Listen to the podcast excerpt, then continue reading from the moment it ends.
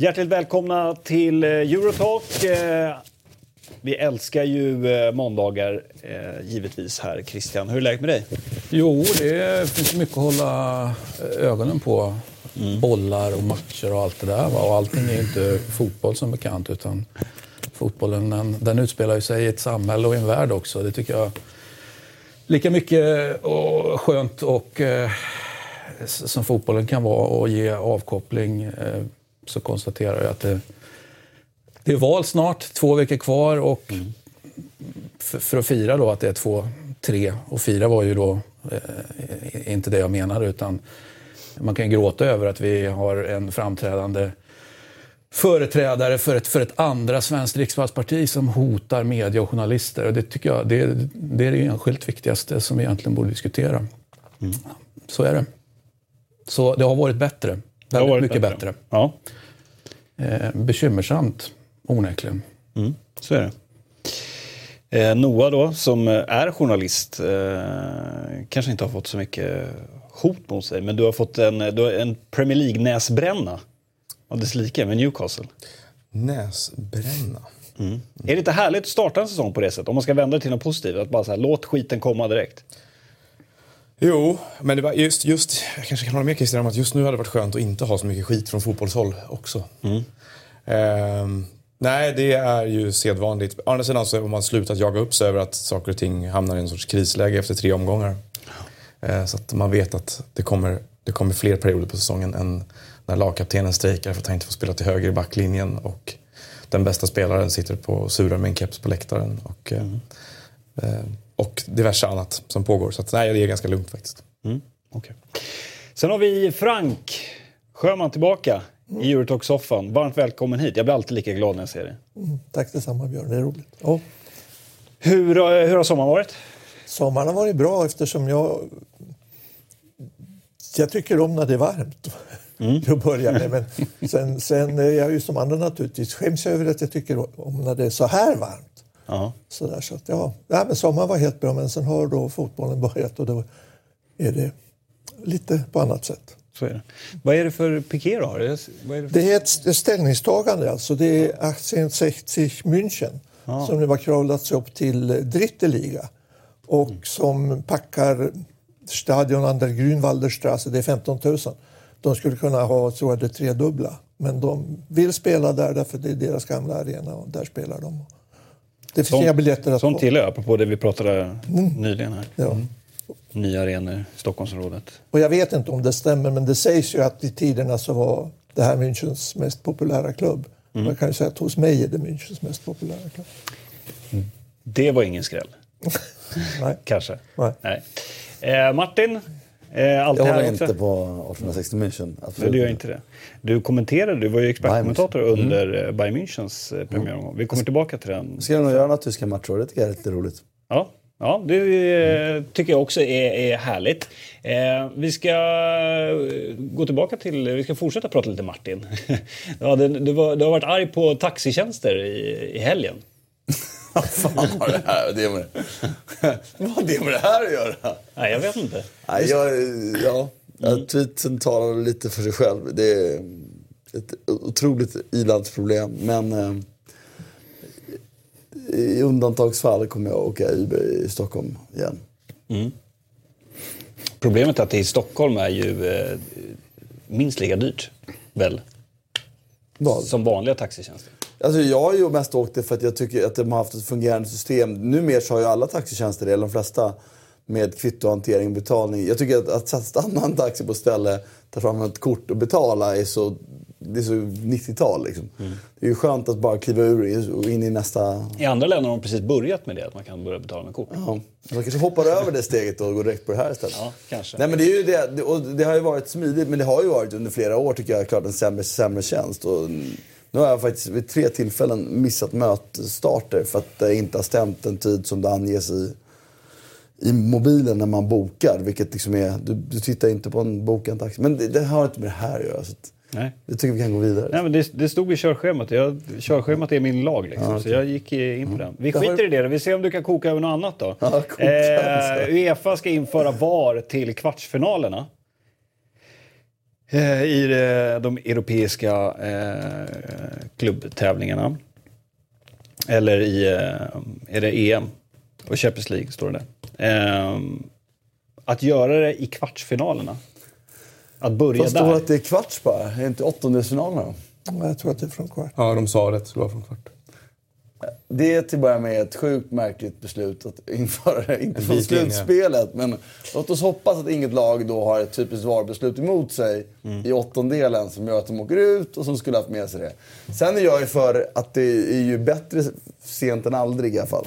Därför att det är ju någonting man har blivit, tycker jag, Alltså det är ju, jag var inte positiv till VAR från början. Men jag tycker att det är, har varit en eh, supersuccé med mycket skavanker. Men jag tänker ändå att, att det finns flera perspektiv. Jag tittade på City, Wolverhampton City här. Nej, den är ju helt Då otrolig. sitter man ju nu och har vant sig vid att men det är ju hans faktiskt. Det ska inte vara mål. Men det kan ju domarna omöjligt se. För det går ju inte att se utan, utan en kamera. Liksom. Men det känns också som att det är lite kritiskt läge där. Eller som, Framförallt eh, när det gäller Premier League då. Att eh, ju fler sådana situationer det kommer i år som blir omdiskuterade. För nu satt de i Match of the Day efteråt också och pratade länge, eller länge, de pratade en stund om att här kunde vi haft VAR och så hade det inte haft gilt, bla bla bla. Det var ju rätt bra i somras. Så lät det ju inte för ett år sedan, innan VM. Så VM har ju också svängt opinionen. Jag tror kommer det flera sådana situationer i till exempel Premier League eh, de, de kommande månaderna, då kommer de rösta för att ha det till nästa säsong. Då har de ju röstat att inte ha det. Så att det är, Ja, och det var ju en straff sen också som, så här, som domarna i och för sig med. borde ha sett redan från början. Men missar som är solklar liksom. Tror ni inte att det här med kvartsfinaler har att göra med att de för säkerhets skull väntar tills inga lag från Färöarna är kvar? Så att det blir tekniskt svårt att fiffla med VAR. Det vet man inte. Va? Men Den, den eh, kopplingen hängde jag inte riktigt med på. Har det varit nå- några som Färöarna som har fuskat med nej, nej, inte alls. Men jag menar att det är så många ligor redan som har de här utrustningarna färdigt på sina arenor och sånt där. Att om du väntar till kvartsfinalerna så är de andra ligorna inte längre med. Och då hade, inte har VAR. då hade väl åttondelsfinalen räckt. Men jag förstår. Ja, det tror jag också. Numera med alla ändringar. Så att, men Nej, men, visst, men det blir ju också billigare och billigare att implementera. Alltså, implementeringskostnaden är ju en faktor som man måste beakta. Man kan ju inte få ner det i superettan idag. Liksom. Men det är ju bara en tidsfråga när en teknik är billig nog. I Tyskland, om jag inte har fel, sitter de i Köln alltid och tittar. de alltid. sitter i Köln alltid och de har fått i år Det tycker jag låter smidigt. Liksom. De var jättenöjda i fjol, trots att de medgav att de inte var felfria. Men vad de har i år i Tyskland, de har så att gänget i Köln kan sätta in virtuella offside-linjer. Det har de inte kunnat tidigare. Nej, och för att återgå till, till liksom själva... alltså, man har ju sett statistiken eh, Serie, Serie A hade efter säsongen. Det får man ju ta med en nypa salt eftersom det är framtagen av, av domarna själva. Men där har de ju granskat när felprocenten hade fallit från var det 5,8 till 0,8 procent. Någonting, i- give or take. mm, Lite liksom som, som halva procentenheter, jag kan inte det i huvudet. Men det är ju jättebra. Men jag tänker också, det finns ett spelarperspektiv där som jag är... Det finns ju inget värre än att veta att man alltså kommer hem och ser att det var straff och inte fått det. Eller fått någonting. Däremot nu, för spelarna måste det här ändå vara otroligt, otroligt Men- bra. Och alla ni som har gnällt på filmningar så kommer det också minska något otroligt tack vare det här. Och jag som har gnällt på tröjdragningar, det kommer också minska något otroligt av det här. Så det här är ändå, det går inte, det här är en succé tycker jag. Vad de har bestämt i Tyskland nu, med det jag kommer ihåg det, de kommer inte att spela upp matchsituationerna medan domaren eller varummet håller på och tittar. Utan det kommer att stå en text att nu tittar de på tröjdragning eller nu tittar de på om det var innanför. Alltså det finns en text som berättar vad de sysslar med. Men de kommer inte att visa situationen. För det, för det, Varför man tänker, det man tänker är... Ja, för att de vill kanske lugna ner känslorna eller inte i onödan driva upp dem. Det jag, det jag har varit orolig för mest hela tiden det är ju att det, att det har varit ofärdigt när det har introducerats. Det vill säga att det har varit, och det var ju väldigt många både spelare och tränare som både gynnades och missgynnades av det här under VM som satt sig efter matcherna och sa att Även när jag kommer ihåg Jan Andersson var så när Sverige fick straff mot Sydkorea tror jag det var att Jo, det var vi, vi var ju glada den här gången såklart men de, de är irriterade på att det, hur, det, hur det stör och rub- rubbar matcherna på något sätt med det här och att, att det blir så långa avbrott och att det skapar någon sorts onaturlig rytm. Det, det som är tacksamt för till exempel Premier League här då, som har valt att vänta det är ju att försökskaninerna nu är ju fortfarande Bundesliga och Serie A så de kan ju bara avvakta. La Liga. Ja, ligan är mer, mycket mer färdig liksom, verktyg innan de introducerar det för att slippa de jobbiga bitarna. Men Sen var ju en diskussion under VM också att eh, situationer som inte inte fick eh, VAR-kontroll som man tycker borde haft det. Så du har ju en diskussion där också. Varför körde ni inte VAR på den situationen? De, de Man kommer ju diskussionerna förskjuta det där till det. rätt. Eh, men sen i, i Serie A kortade man ju ner eh, tiden för hur lång tid det tog. I början var det, tog det ganska lång tid, men sen gick ju det där snabbare och snabbare. Ja, det gick snabbare i genomsnitt, men det var ju fortfarande situationer i slutet av säsongen när det drog ut på tiden, när det var komplexa beslut. Och det kan vi nog aldrig liksom bortse ifrån, att det kommer vara återkommande. Det man också ska man ihåg, även om det var ett ofullfärdigt, o- ofärdigt system, för det är det ju, och det har varit det. Och de har, just angående Frank säger, kommunikationen var ju en av de största faktorerna till slut som man var irriterad på. Så är det ändå så att, att det, blir ju ändå, det blev ju ändå bättre, färre fel. Och det måste ju ändå... Eh, eller måste, måste det inte. Men det var väl ändå det som i slutändan fick mig att svänga över att felen som har varit så stora slapp vi faktiskt. Sen är det där, jag bara, innan det, jag blev så tröttsam när, när Jonas Eriksson satt i, i tv-studion och sa att ah, men de tolkar olika. Jo visst, bara för att de tolkar olika i domarrummet, men det gör ju ni domare på plan. Skillnaden var ju mindre än de tolkar där i alla fall, än när ni gjorde det där. Det måste ändå vara bättre där, men det, det, den slutsatsen fatt, fick, den frågan fick han aldrig emot sig. Det borde ha kommit. Och det, vi kommer aldrig gå mot ett felfritt system. Det är omöjligt. Det är inte det vi är ute efter. Vi är ute efter ett så pass rättvist system som möjligt, till så smidigt sätt som möjligt. Och när det gäller det här när man tittar och inte tittar. Rätta mig fel Christian, men där var ju, tycker jag, ser jag väldigt tydliga med ändå. Vi tittar på när det är det här och det här och det här och det här. Är det utanför det så tittar vi inte. Och det tyckte jag funkade ganska bra i Serie A förra året. Och det var inte lika bra VM. Mm. Och, och mitt i pratet om den här succén då, som, som det ändå, i, de, i de enskilda delfallen, mindre tröjdragningar, mindre filmningar och allt det där som vi kan hitta statistik på, så, så tycker jag det viktiga är ju eh, rytmen i spelet eh, och vad gör man med, vad är fotboll för någonting? Är det då eh, de här mycket mindre felen eller är det att man spelar fotboll och fotboll är en sport som spelas i en viss rytm utan vissa typer av avbrott? Och då blir ju svaret för mig hur enkelt som helst. Det är att vi spelar fotboll och vi har en sport utan den här typen av avbrott. Med all respekt för att mindre tröjdragningar och Men- alla de där andra grejerna. Då, talar då, då väger det mycket mera, i all den framgången så väger det mycket lättare. Finns det någon som har räknat upp tiden då? För ett VAR-beslut, ett enskilt VAR-beslut, håller jag med, det drar ut på tiden och det ska kortas ner. Men det är också min bild, vilket jag inte har på sätt eh, statistiskt säkerställt, är ju att det är mindre tjafs efter domsluten. Så totalt sett kanske det är mindre avbrott ändå. Alltså om vi snackar flyt, så tyskarna vet då, har de, ett, de är nere i 53 sekunder. Under VM tog det i snitt 80 sekunder. Men när vi talar flyt som Christian säger, så då borde vi få folk att springa av plan när de ska bytas ut. För att där ryker ju flytet, bland annat.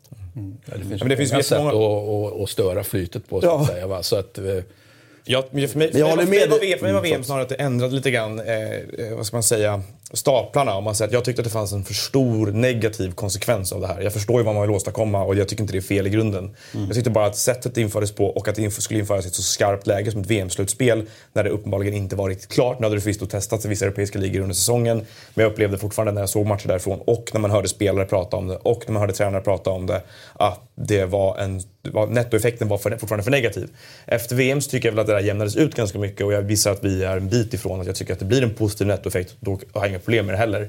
Men fortfarande så ska man inte bortse från det Christian är inne på, det vill säga Eh, det gör någonting i grunden med fotbollsmatcher och som, eh, ja jag vet inte, det kan finnas någonting som händer i förlängningen där också. Vi har ju länge i det här programmet spekulerat i att varavbrott kommer att nyttjas i kommersiella syften ganska mycket. Och eh, det är bara sak, folk, man vänjer sig vid det också.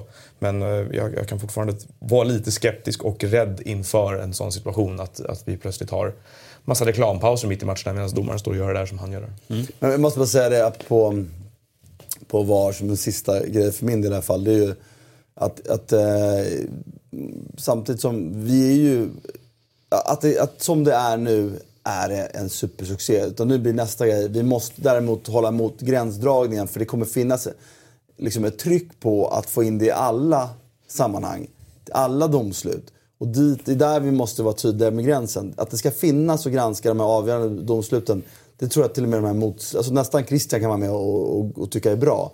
Men även vi som då tycker att det är en succé så här långt måste ju förstå att vi måste ju även sätta en gräns. För vi vill inte att de ska in och döma varenda jävla domslut. För det blev också en konsekvens av VM, att domare avvaktade med helt solklara straffar. Där de borde- borde båda blå straff direkt. Men Typ- det, det har inte gjorts i ligorna. Så det tycker Nej, jag... men i VM, och det kanske var då att de domarkårerna i ligorna var- var bättre skolade i det. De var vana vid det. För det fanns en ovana i VM tyckte jag Men- upplevde. Det var helt solklara straffsparkar vissa gånger som de lät spelet pågå i flera minuter efter. men det är en logik i det som vi kommer vänja oss vid sen som kommer vara bra. Det vill säga att de inte har förstört spel. Men det som jag tyckte i, i VM då med var ett problem, det var ju, som folk inte riktigt förstod, det var att vänta, det blev ju en felaktig hörna som sen ledde till situationen som blev Exakt, straff. exakt. Varför kollar man inte hörnan? Ja, men, då, då tycker jag, här, när en situation är död, det, det, det tycker jag kanske som spelare mer så här.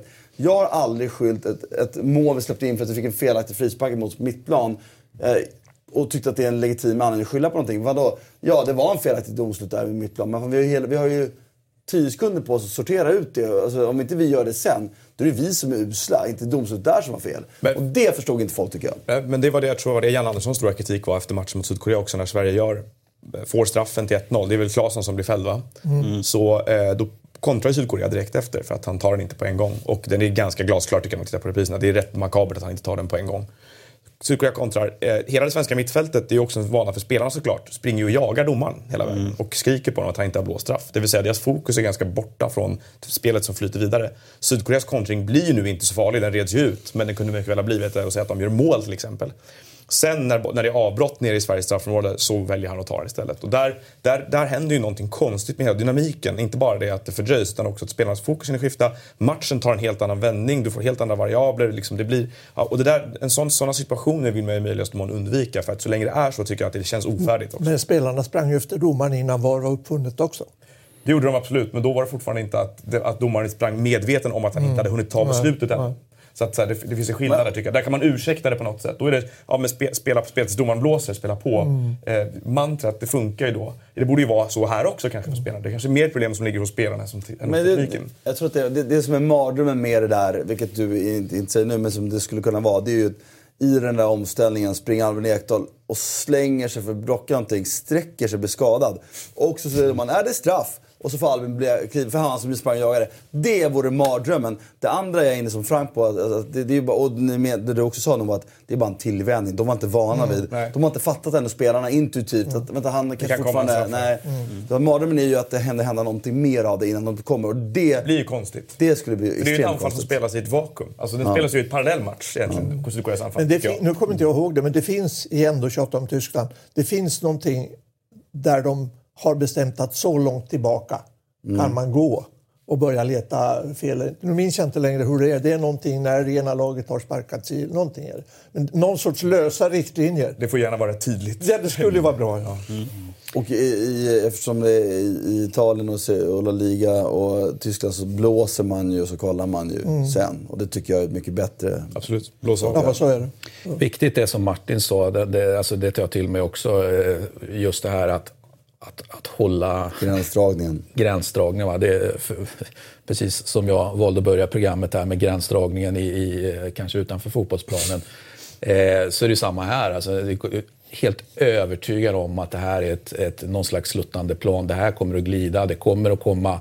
Ja, men vi lägger till den situationen. Vi lägger till den situationen. Till slut så har du, så har du ett jävla... Ja, du, det är Pandoras ask helt enkelt. Och, och, och, och hålla koll på Pandoras ask, det, det, det är det inte alla som kan. Nej. Vi ska gå vidare och titta på hur det gick för panelen i Europatipset eh, denna söndag som var.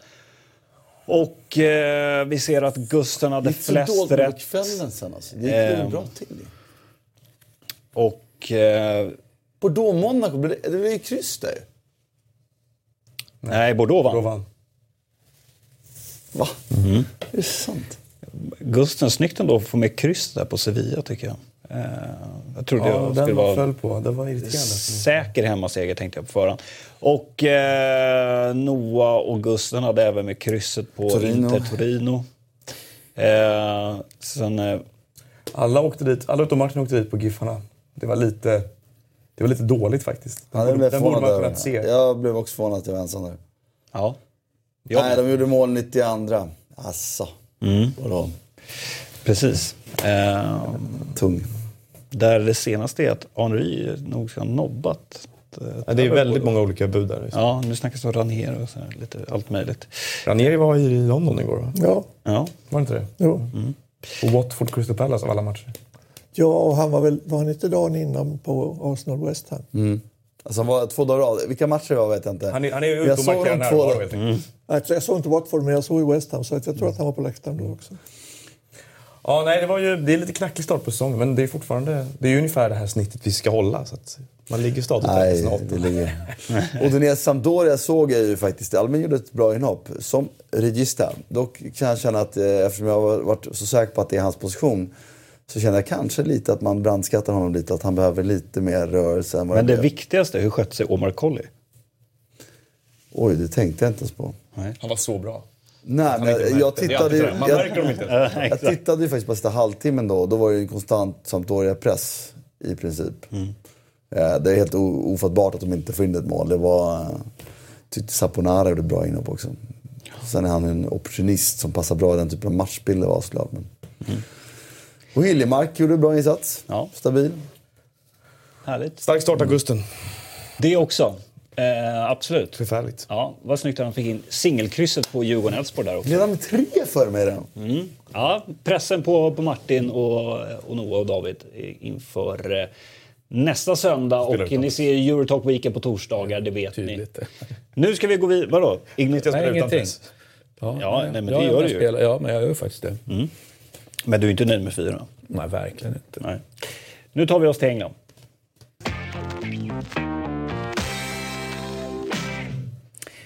Och nu när vi har Frank här så tycker jag det passar att prata lite West Ham, lite taskigt kanske också med tre raka torsk eh, och sådär. Och, och, och eh, London-derby som det var i, eh, i helgen.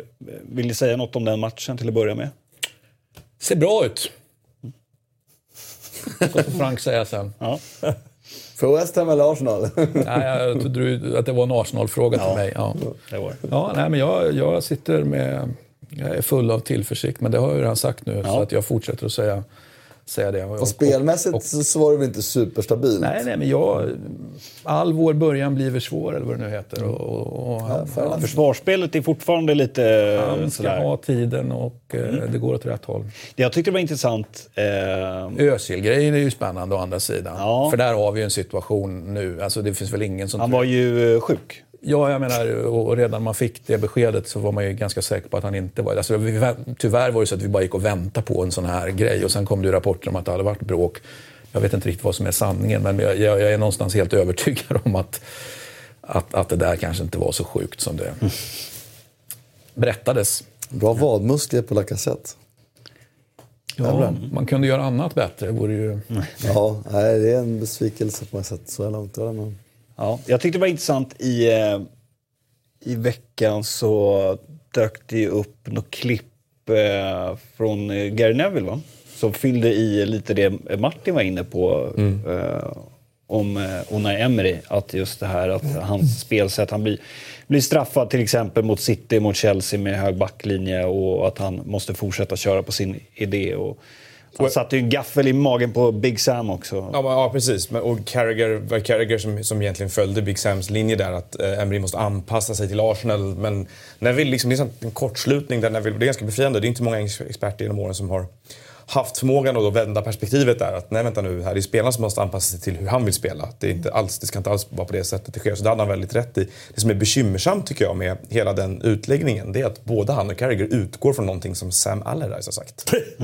Varför måste de hålla på och göra det? Det var exakt samma sak igår när Newcastle mötte Chelsea och Benitez fick kritik för att han stod djupt.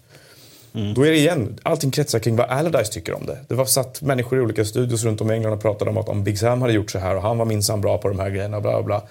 Liksom det, de, Positiva tolkningen av det är ju att rätt kalibrerad så kan ju man ha Sam Allardyce som, som, som en bra utgångspunkt Ja, för, att, för att ta sig vidare inte till någonting göra. annat. Det- Ja, anyway. Ja, ja, nog om det. Jag tyckte det var, det var intressant eh, av eh, Gary Neville också, tänkte jag på det som Martin var inne på förra månaden. Men eh, detta West Ham då, som nu, eh, vill du säga något om matchen? Jag vill säga att det ser bättre ut. När Christian säger att det ser bra ut, så ska jag säga att det ser bättre ut. Men eh, vi, vi, jag vet inte, jag är inte medskyldig som tur är. De, eller West Ham, han vet inte vad han har, ska ha för lagen. Vi har använt 17 spelare på tre matcher och bara fem har startat alla, varav en är målvakten. Och det är bra att målvakten har startat, för han var jättebra. Så att vi har ju en bit kvar. Mm. Och med den mängd av figurer som har hämtats in så är det inte så konstigt. Men vi har lyckats skada en del och dessutom osäkert och fortfarande mittförsvaret. Så nu har talats om att jag tror inte att det är seriöst att James Collins skulle få nytt kontrakt för han tränar fortfarande med West Ham. Mm. Så att, men så illa är det väl inte? ja, nej, så illa är det inte. Så att eh, det var en tuff öppning och det fortsätter. Nu är det Wolverhampton hemma, så är det Everton borta som vi inte brukar vara så bra och sen kommer Chelsea, Manchester United. Så att, men, ja, vi visste ju det. Jag sitter här med åtta raka torsk. Ja, eller någonting i den stilen. Men ja. så har det ju startat tidigare. Men nu så, med den personagen så borde det inte vara så. Nu lyckades ju Arnautovic på något underbart sätt sträcka sig eller någonting sånt där, så ingen vet hur det blir med honom. Och, eh, ja. Fram till 1-0 så såg det ju väldigt bra ut här. Ja, i paus Alltså, ja, i paus räknade jag att West Ham hade fler målchanser ja. än Arsenal, men sen svängde Vi har ingen vänsterback fortfarande. Det finns ingen vänsterback. Sen är Wilshire så här långt jättemycket för långsam. Han vet ju möjligtvis vad han ska göra, men han hinner inte. Mm. Och, eh, det gjorde lite ont att se honom. Ja. Sen, ja, det, det, blir så symboliskt också att det finns, det finns liksom inga kvar av, av våra egna. Nej. I, i Arsenal, ungtuppar så att säga. Sen är ju inte Snodgrass särskilt bra, det var han inte förr. Nu Antonio har ingen fotbollshjärna överhuvudtaget. Men Felipe Andersson var bra i andra halvlek. Ja. det var riktigt roligt. Och det var ju kul att se det samarbetet. Han och Anatovic har ju en höjd ja. som inte normalt Alla har. lag... Nej, exakt. Ja. Det är ju inte många lag i, i nedre halvan Premier League som ni nu ligger. Mm. Eh, som har den höjden. Ja, det gäller ju bara att ha, ha ett ramverk runt dem då som gör att mm. de kan prestera. Sen har... Målet var ju skitsnyggt ja, ja, ja, absolut fruktansvärt kort tillslag och sådär. Ja, med hela upp, man ja, dribbar fram och Sen, sen är ju, måste vi komma ihåg att Lanzini är ju knäskadad och är borta hela hösten. Mm. Jag menar, kasta in honom i det där gänget. Så ja, men det är inte framåt som de största felen är. Utan det... Som vanligt. ja, lite så. Ja. Fast jag tror andra sidan att den här Diop, som var han, 21-22 någonting, han kommer att bli bra för han har fysiken, han har tekniken. Och när han väl har vant sig vid att det går lite fortare här än i Toulouse så tror jag att han kommer att bli riktigt bra. Men det är ju flera, jag tycker även Jarmolenko, det finns ju mycket kvalitet. Ja. Sen spelare som Anatovic fascinerar mig lite grann därför att det kändes så länge som, jag menar det var ju väldigt typiskt att han hamnade i Stoke som är någon sorts en misslyckad engelsk variant av Nice, det vill säga dit man kommer när du inte har klarat av livet i de stora klubbarna. Eh, och eh, där de flesta fortsätter på samma spår, det vill säga de kan plocka fram sina egenskaper i väldigt enskilda tillfällen. Mm. Shakiri klarade det, Bojan klarade det inte tyvärr, men det finns mm. andra som har varit där. Affelay klarade det i en enstaka match. Arnautovic också, men han tvärtom har ju vänt sin trend. Det var ju länge sedan han gjorde en lång, lång period dåligt nu tycker jag. Mm. Att sen han kom till West Ham, även slutet i Stoke, så kontinuerligt presterar riktigt bra liksom. Och, och, och, klarar av att ta ansvar för saker och ting han inte kunnat ta ansvar för tidigare. Riktigt. Och retar sig inte på saker och ting Nej. på samma sätt heller.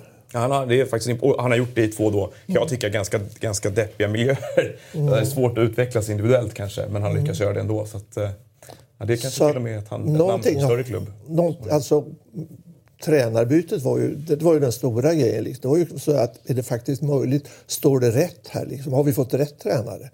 För att mer är det så att det var gänget efter Allardyce som, som eh, våra David-gubbar sysslade med. Så, så, att det, och sen fick vi ju då plötsligt en, en sportdirektör som vi aldrig hade hört talas om tidigare överhuvudtaget. Så att han ligger ju bakom de här namnen som har kommit. Så.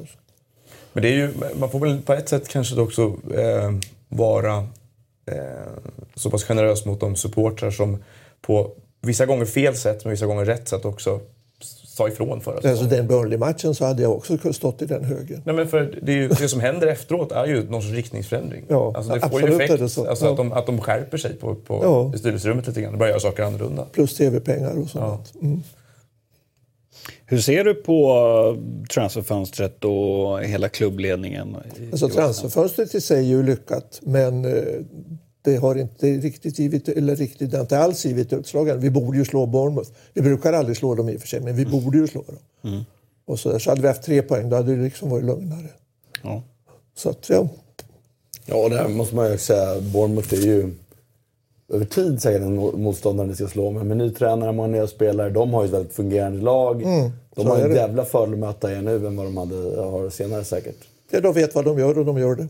Ja, kontinuerligt och det är konsekvent. Mm. Mm. Och kul tycker jag. För jag tror som jag sa här och i Viasats första sändning att jag tror att det är ändå ett år när föregående år så var, betalade sig väldigt väl och var välorganiserad och inte något annat. Typ Huddersfield, Brighton, Burnley, sådana lag. Mm. Jag tror att i år så kommer det krävas någonting mer. De här, alla de här lagen som hade bra spelare inte var organiserade. Om de får organisation på plats så kommer Brighton, Burnley, Huddersfield, de här få det tufft. Cardiff. Stackars Burnley. Och då är ju Bournemouth ett Burnley och Cardiff ser ut som att de spelar ett tio år tidigare än alla andra just nu. Alltså. Det, ja. Jag håller med dig. Apropå ja, Allardyce, ja. ja. men då, då var just att då, pratade, då var det ju flera som hade Bournemouth som nedstigningskandidat. Och då tycker jag att det strider egentligen mot det jag tror på. Att de har ju en spelled, de har en positiv sätt att föra hur de ska spela sina matcher med boll. Och det betalar sig och det har det verkligen gjort så här långt. Nu ska man inte dra Men De här lagen som pratar om har inte råd med så många skador. Det vet man ju aldrig heller. Nej. Nej, så är det ju. Så är det med de flesta lag. Givet, inte för att åka ur, men för att mm. försvara den förväntade tabellpositionen. Mm. Men, äh, ja. Ja, eh, vi hade eh, Newcastle-Chelsea som vi var inne på lite tidigare. Eh, jag tyckte det var intressant. Jag såg Noah, du eh, retweetade en del citat från eh, herr Benitez då inför eh, det här mötet där han backar supportrarna som protesterar. Ja, det eskalerar ju där uppe nu, kriget lite grann kan man tycka. Det är ju ganska, det är väl rätt anmärkningsvärt ändå att han ja, har den tydliga positionen. Han har hållit på så här hela sommaren egentligen. Ja. Eh, men alltså, fast utan att säga det rakt ut. Nu sa han det rakt ut att de flesta som följer den här klubben vet vad som pågår och har pågått i många år. Mm. Eh, han fick ju frågor om hur förhåller dig till vad Andy Gray och Richard Key säger i Bean Sports sändningar. Då skakade jag på huvudet och sa tror jag eller Johnny Shorimoto bryr jag bryr om vad han säger. Liksom. Mm. Och så sa han att vi vet ju här vad som pågår. Liksom. Och det är ju mellan raderna och ganska, ganska aggressivt. Sen så finns det de som tolkar även då sättet han tar sig an den här matchen på som ett politiskt slagträ. Det vill säga 5-4-1 egentligen. Mm. Ultradefensivt. Exakt samma taktik som han var nära att ta poäng mot Manchester City med förra säsongen. Exakt. Eh, och eh, han får jättemycket skit för det. Newcastle skapar ändå en hel del chanser, kvitterar. Har ju lite otur som förlorar matchen till slut. Men jag tycker vi förtjänar förlusten på det hela taget, över 90 minuter. Eh, men jag tror också att det är ett sätt att visa att här är resursgapet som gäller just nu. Vi, ska vi ha en chans att hävda oss mot de här lagen, då är det två målsättningar med den här typen av matcher för oss. Det ena är ett, inte få stryk med 6-0 som de flesta andra får mot de här lagen. För det kommer vara viktigt för målskillnaden i slutet av säsongen. Och två, det vill säga försöka frustrera dem till eh, dra ner matchen i träningstempo mer eller mindre.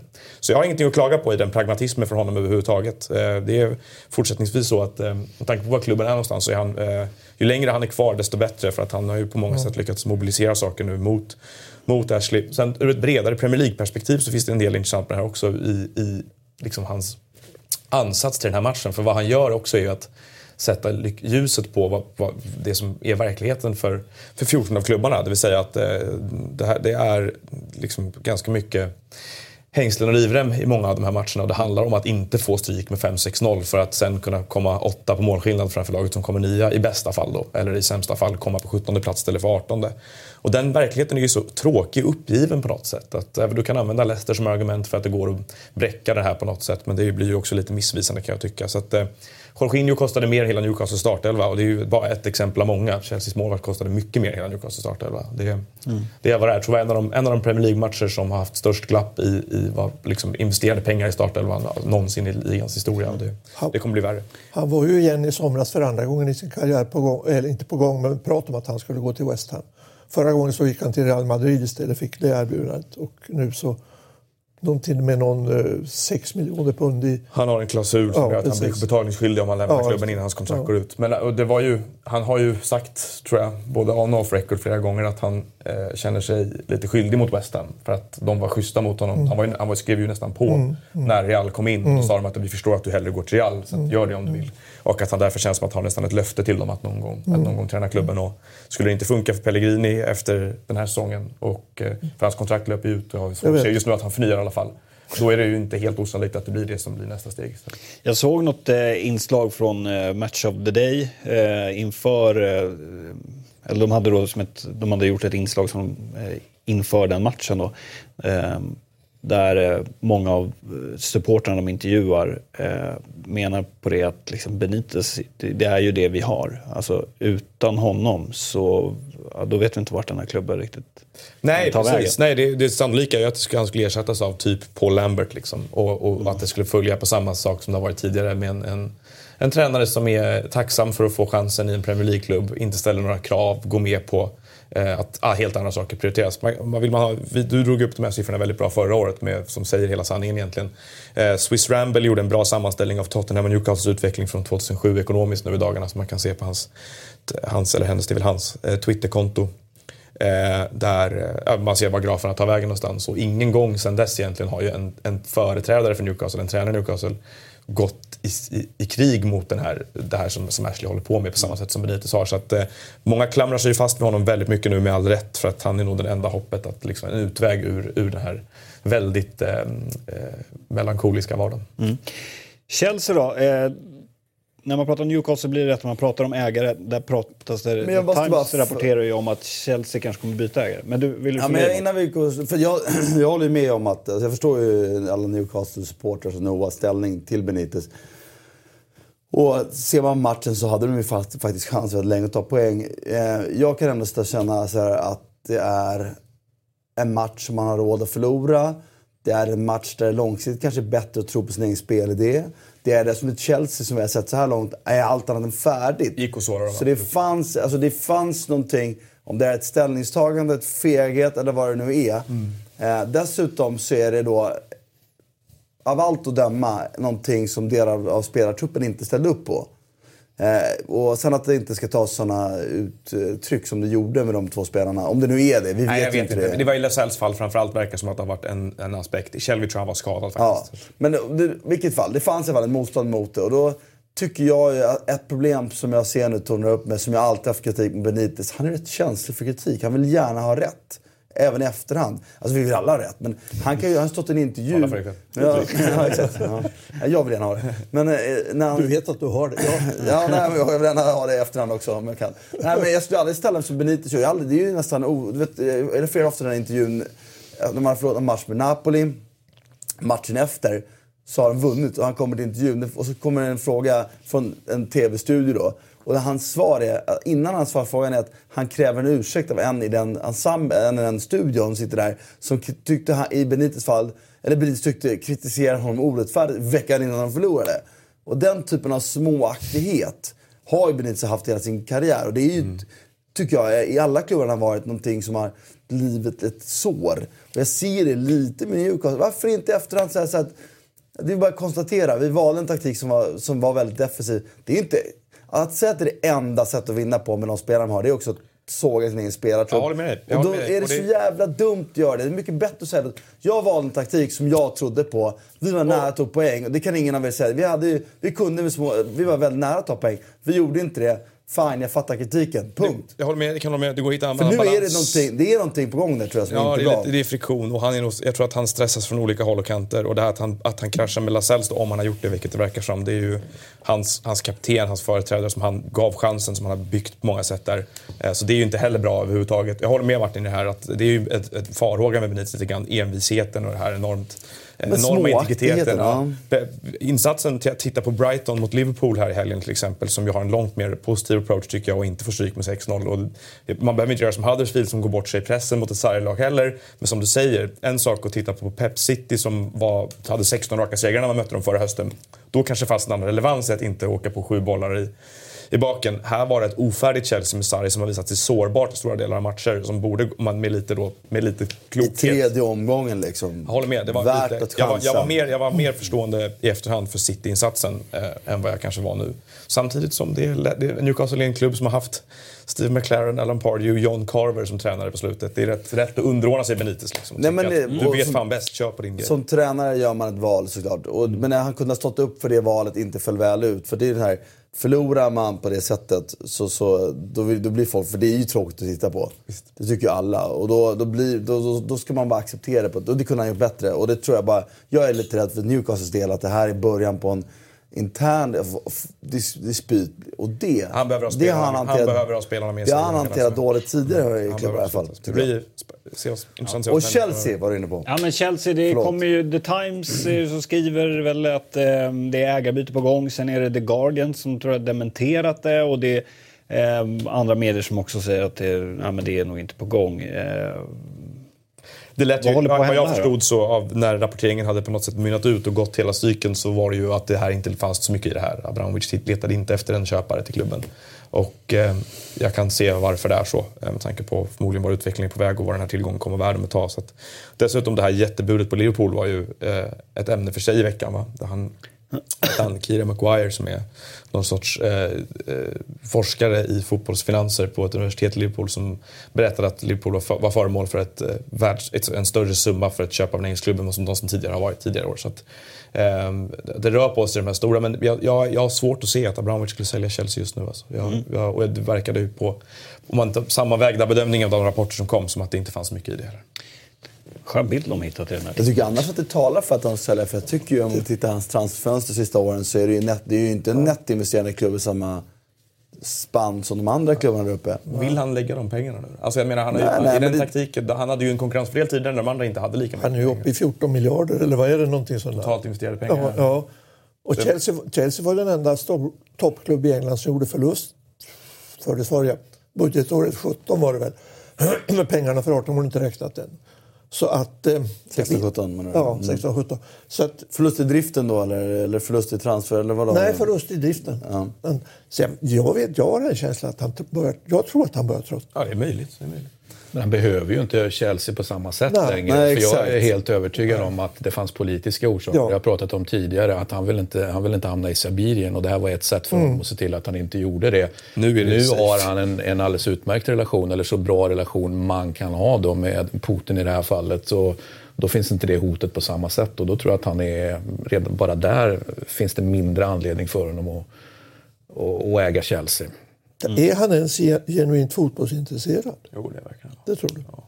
Och samtidigt så, så eh, som du är inne på Noah, så finns det ju en värdeökning kvar att göra som Ja. inte, inte är alltför svår att motsvara. Och givet det vi tror, eller jag tror i alla fall, att han har anställt en tränare som dessutom kommer höja värdet på, på den truppen, befintliga truppen.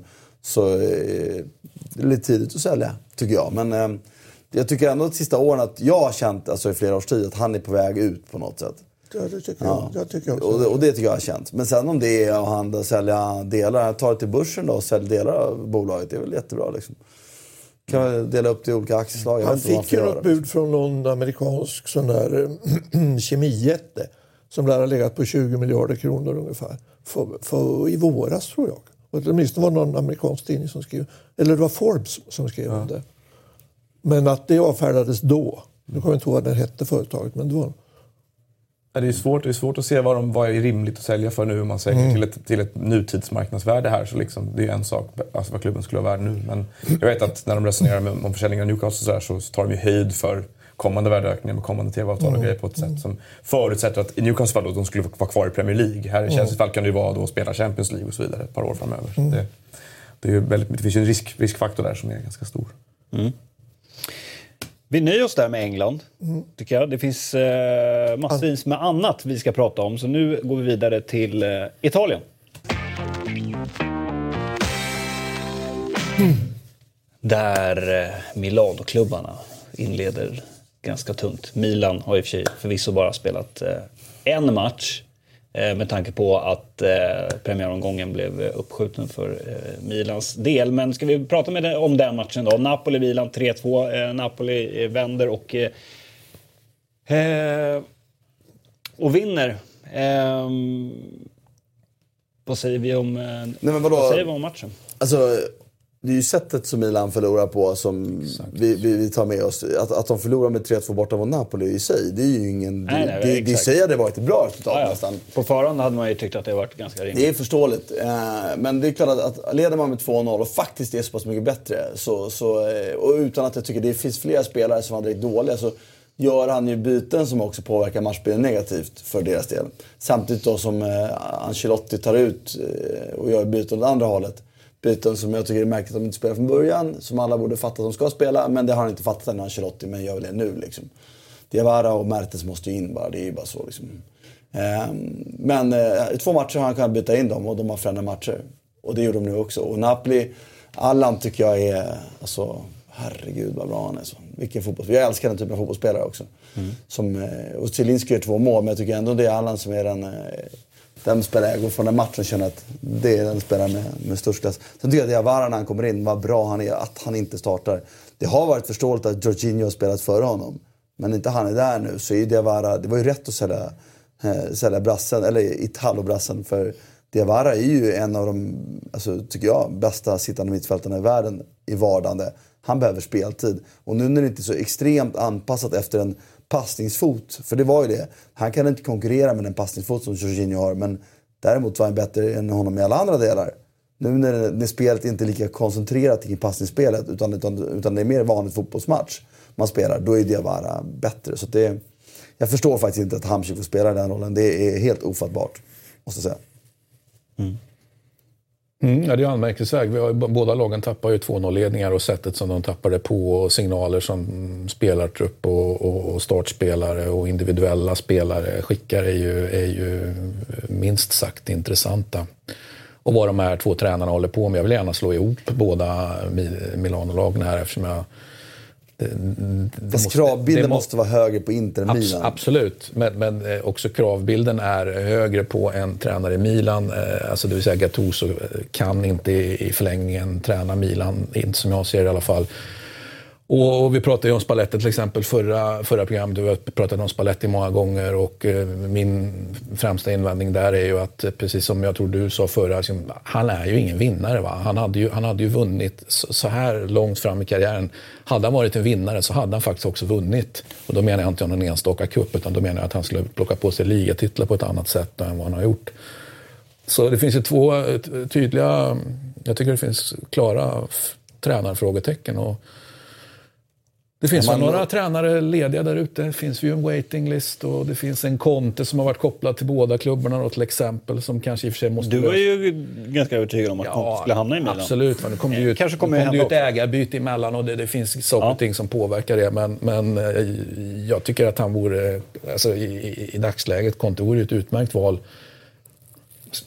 nu, nu, tycker vi att det har gått åt helvete efter två, två omgångar, va? men det, det, det finns faktiskt... Milan en, gång, en omgång. Det, och Milan bara en omgång. Men, men alltså, det ser inte bra ut. Alltså det, det som jag tycker, man, Gattuso är man ju lite osäker Jag vill gärna tro att han blir en bra tränare, men han är ju, har ju inte bevisat någonting än och därför måste ju få ett tekniskt kvarstå det som jag tyckte var konstigt i matchen, att han bytte ut Biglia för att han var dålig, det förstår jag. Men då inte förstå vad Biglia skyddade, det han inte gör när han inte har bollen. Liksom. Och det, att ta in då Bakayoko som inte är den typen, det tyckte jag var mycket märkligt. När matchen var där den var, när man vet vad Napoli vill göra, vad de har spelartyper, så är det helt för mig helt ofattbart faktiskt. Mm. Att, att behålla Biglia hade varit självklart för mig, inte för att han var bra, men för att han var den enda de har som skyddar ytorna. Ge honom inte bollen då. Se till att sluta ge honom bollen på egen planhalva. Fine, men leder. Se till att ha den spelaren skydda laget bäst. Ta, in, eh, ta ut eh, Borini, eller Borini jobbade bra, men och få upp Bonaventura. Eller ta ut Soso och behåll Borini ifall du vill kriga. Men vet, Bakayoko, absolut. Bakayoko, eh, Biglia, Kessie, eh, Kessie när man leder. Det hade varit rimligt liksom. Napoli borta och så haft omställningsspelare. Men det var otroligt märkligt. Bakayoko var ju inte bra när han kom in eh, och så dessutom skyddade han backlinjen uselt. Och, han, han, fick otroligt mycket skit efteråt, fick han inte det? Ja, det tyckte jag var lite orättfärdigt. Alltså, det är inte hans spel. Liksom. Man, måste veta vad man har för spelare. Liksom. Eh, och sen så Milan, eller Napoli bytte ju in, alltså, dessutom då. Jag tycker, alltså, när Mertens, Insigne, Diawara, alla spelar, det, det blir det är kul att se. Liksom. Men just att Mertes inte kör från start beror väl ändå på att han kom tillbaka så pass sent. Alltså jag kan inte tänka mig att det beror Nej, på någonting annat. Jag hoppas annat. inte det. Eh, Men att eh, Hamsik Diawara-grejen, där känner jag... Det, alltså den positiva tolkningen av det ur ett Napoli-perspektiv är ju att eh, med, med den ställning som Hamsik ändå har bland supportrar och annat, att, att Ancelotti hanterar den här politiskt korrekt någonstans ändå och får ett... Eh, men inte men i den nu rollen. kan ni se att... Inte i den rollen. Och då har han ju ändå haft turen med sig. Nu har han fått två tre poängare trots att han har, att han har riskerat genom att göra det. Så att han... Eh, ja, det, och... det, det, kanske var för järvt på ett sätt då. Alltså ja, och, att, att, han riskar mer än vad han egentligen förstod att han riskade. Ancelotti då i det fallet. Mm. Men, men äh, det, och, och ta inte, Inter ser ju det... Inte måste man ha större krav på tycker jag. De har spelat ihop sitt lag längre. Det är så, de har små förändringar eh, alltså i, i, sitt lagbygge. Och leder med 2-0. Och mot Torino som är ett bra lag, men det är inte Napoli-kvalitet. Liksom. Så det, det, ska inte ske det så mycket. Och Handanovic gör tavlan som bjuder in det, men därifrån... Alltså att inte jag sätter extremt stort frågetecken för Spalletti. Och det handlar om... Dels tycker jag att han verkar vara små... Han, han var småaktig. Han fastnar i små diskussioner och saker. Att han är seriös och förberedd och att han kan vinna, det tror jag kanske jag av andra skäl. Att, men frågar man har den mentala höjden. Alltså, hans lag är ju genomgående, tycker jag, mentalt veka. Vad det är nu, man, det är en väldigt vag anklagelse att komma med. Men Jo, men vi har ju, om vi nu tittar Ja, men för, på... menar, det är, vad det, det, är så här. Det är som att säga att, att de förlorar för många matcher nästan. Liksom. Ja. Men det är ett lag som, jag känner inte att de, liksom, de sätter inte nivån, de håller inte nivån. Spalletti själv är ute och hamnar i småaktiga diskussioner. Där det är efter matchen, fine, man måste fatta, ta inte de små då. Ta, det är liksom, var lite smart. Men Det finns ju ett track record som, som, som å ena sidan är långt och så finns det ett kort track record. Nu finns det ett inte-track record på Spalletti. Och det är samma, han fick ju de här totala mentala tvärstoppen under fjolårssäsongen. Och Nu fick han en mycket bättre trupp och då, då har vi pratat om att det, det är klart att det är önskvärt att ha mentala tvärstoppen. Det finns ju en del som säger att ja, men det patsa inte och det kommer alltid vara liksom mentala tvärstopp. Men när inte det är som bäst då är ju inte det mentala tvärstopp på det sättet. Och det är klart att färdriktningen som man måste försöka ha är ju att liksom kapa de mentala tvärstoppen. Och vad fan är det som ska göra det om inte tränare? Han måste ju såklart få sitt lag att inte få de här eh, tvärstoppen då som han får. Det, är- det, är ju- det är ju extremt anmärkningsvärt att han, att han fortsätter att få det. Eh, och jag menar, har han det... Ja, han, ska han inte ha det resten av säsongen? Jag, jag, jag känner redan nu att ja, men han kommer nog fortsätta ha det med jämna mellanrum. Nej, det är dåligt. Det är för dåligt. Mm. Håller du med om att det, när det gäller båda klubbarna, att det är tränarfrågan? Alltså, Inter så tycker jag att de har fått allt annat på plats. Och då blir det en tränarfråga kvar. Och jag tycker fortfarande Spalletti är en bra tränare. Men han har inte... Alltså, att ta Inter därifrån de är nu. Det sa vi inför säsongen att jag tror inte på Spalletti. Jag har gärna fel, för jag vill att Inter ska vara med där uppe. Jag vill att de ska jaga Juventus in i sista. De är en klubb som har resurserna, de har publikunderlaget, de har allt för att vara ett lag som kan slåss i toppen i Europa. Mm. Det har inte Napoli riktigt ännu och kanske inte kommer få någonsin. Roma har inte där ännu. Det har Inter. Milan har det också, men Milan tycker jag...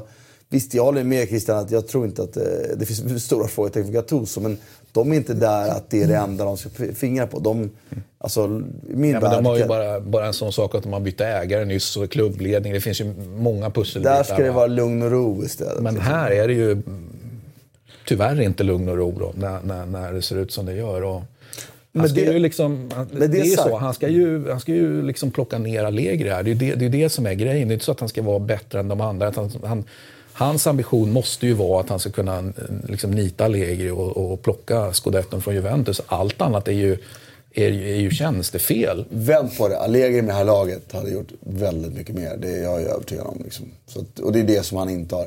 Det är en, riktigt, det är en bra till riktigt bra tränare. Men han är, eller, han är en bra tränare. Han kanske inte är en riktigt bra tränare. Spelare. Och då skylla på Handanovic tavla, att han bjuder in dem i matchen. Det är liksom, okej, men det står fortfarande 2-1 mot ett lag ni ska kunna slå på. hem- Alltså, Hur länge måste de hantera det. när det händer heller, Hantera det liksom. En bra grundspel, bra spelare, bra styrka. Hur länge måste de vänta på Simeone då? Ja, det är en bra fråga. För att jag menar, nu, nu har jag bevisligen valt... Det kändes som att han kanske närmade sig ett slutdatum med Atletico ett tag. Det tyckte inte jag, men det tyckte jag, du. jag trodde det. Men det, han hade fel. Han, är, han verkar ju köra på där nu med att försöka använda deras nya infrastruktur som en plattform för att etablera sig ännu högre upp och så vidare. Det är ju hedervärt i sig såklart. Han har ju byggt det där på egen hand. Han var ju tydligen och kollade på eh, sonen när de, Fiorentina vann med 6-1. Shit, Men jag menar, han ska ju hit någon gång. Han ska ju till inte någon gång. Det har väl alla varit öppna med. Alltså, jag hade lite så här, alltså, när Mourinho var som bäst, det var när han var i Inter. Jag tycker aldrig han lyckats så bra som han hade i Inter. Där är liksom den här, det han saknar i kvalitet. Det är, tiden har kanske sprungit ifrån honom för det, men jag skulle gärna... Du har tillbaka honom lite. Nej, men jag, skulle, alltså, jag tror kanske inte att, att, han, att den, den brist på offensiva idéer som han alltid haft, den har blivit större. Alltså tiden har sprungit ifrån honom lite. Men i Inter så finns det ju ändå en, en... Det känns som att det de saknar är ju mental nöjd organisation. Det är väl det han Får har. med liksom. Simeone också, förvisso. Ja, Ja, nej, Simeone hade varit bättre. är det bästa tränaren de kan hitta. Jag tror inte Simeone kommer hamna där på länge. Alltså.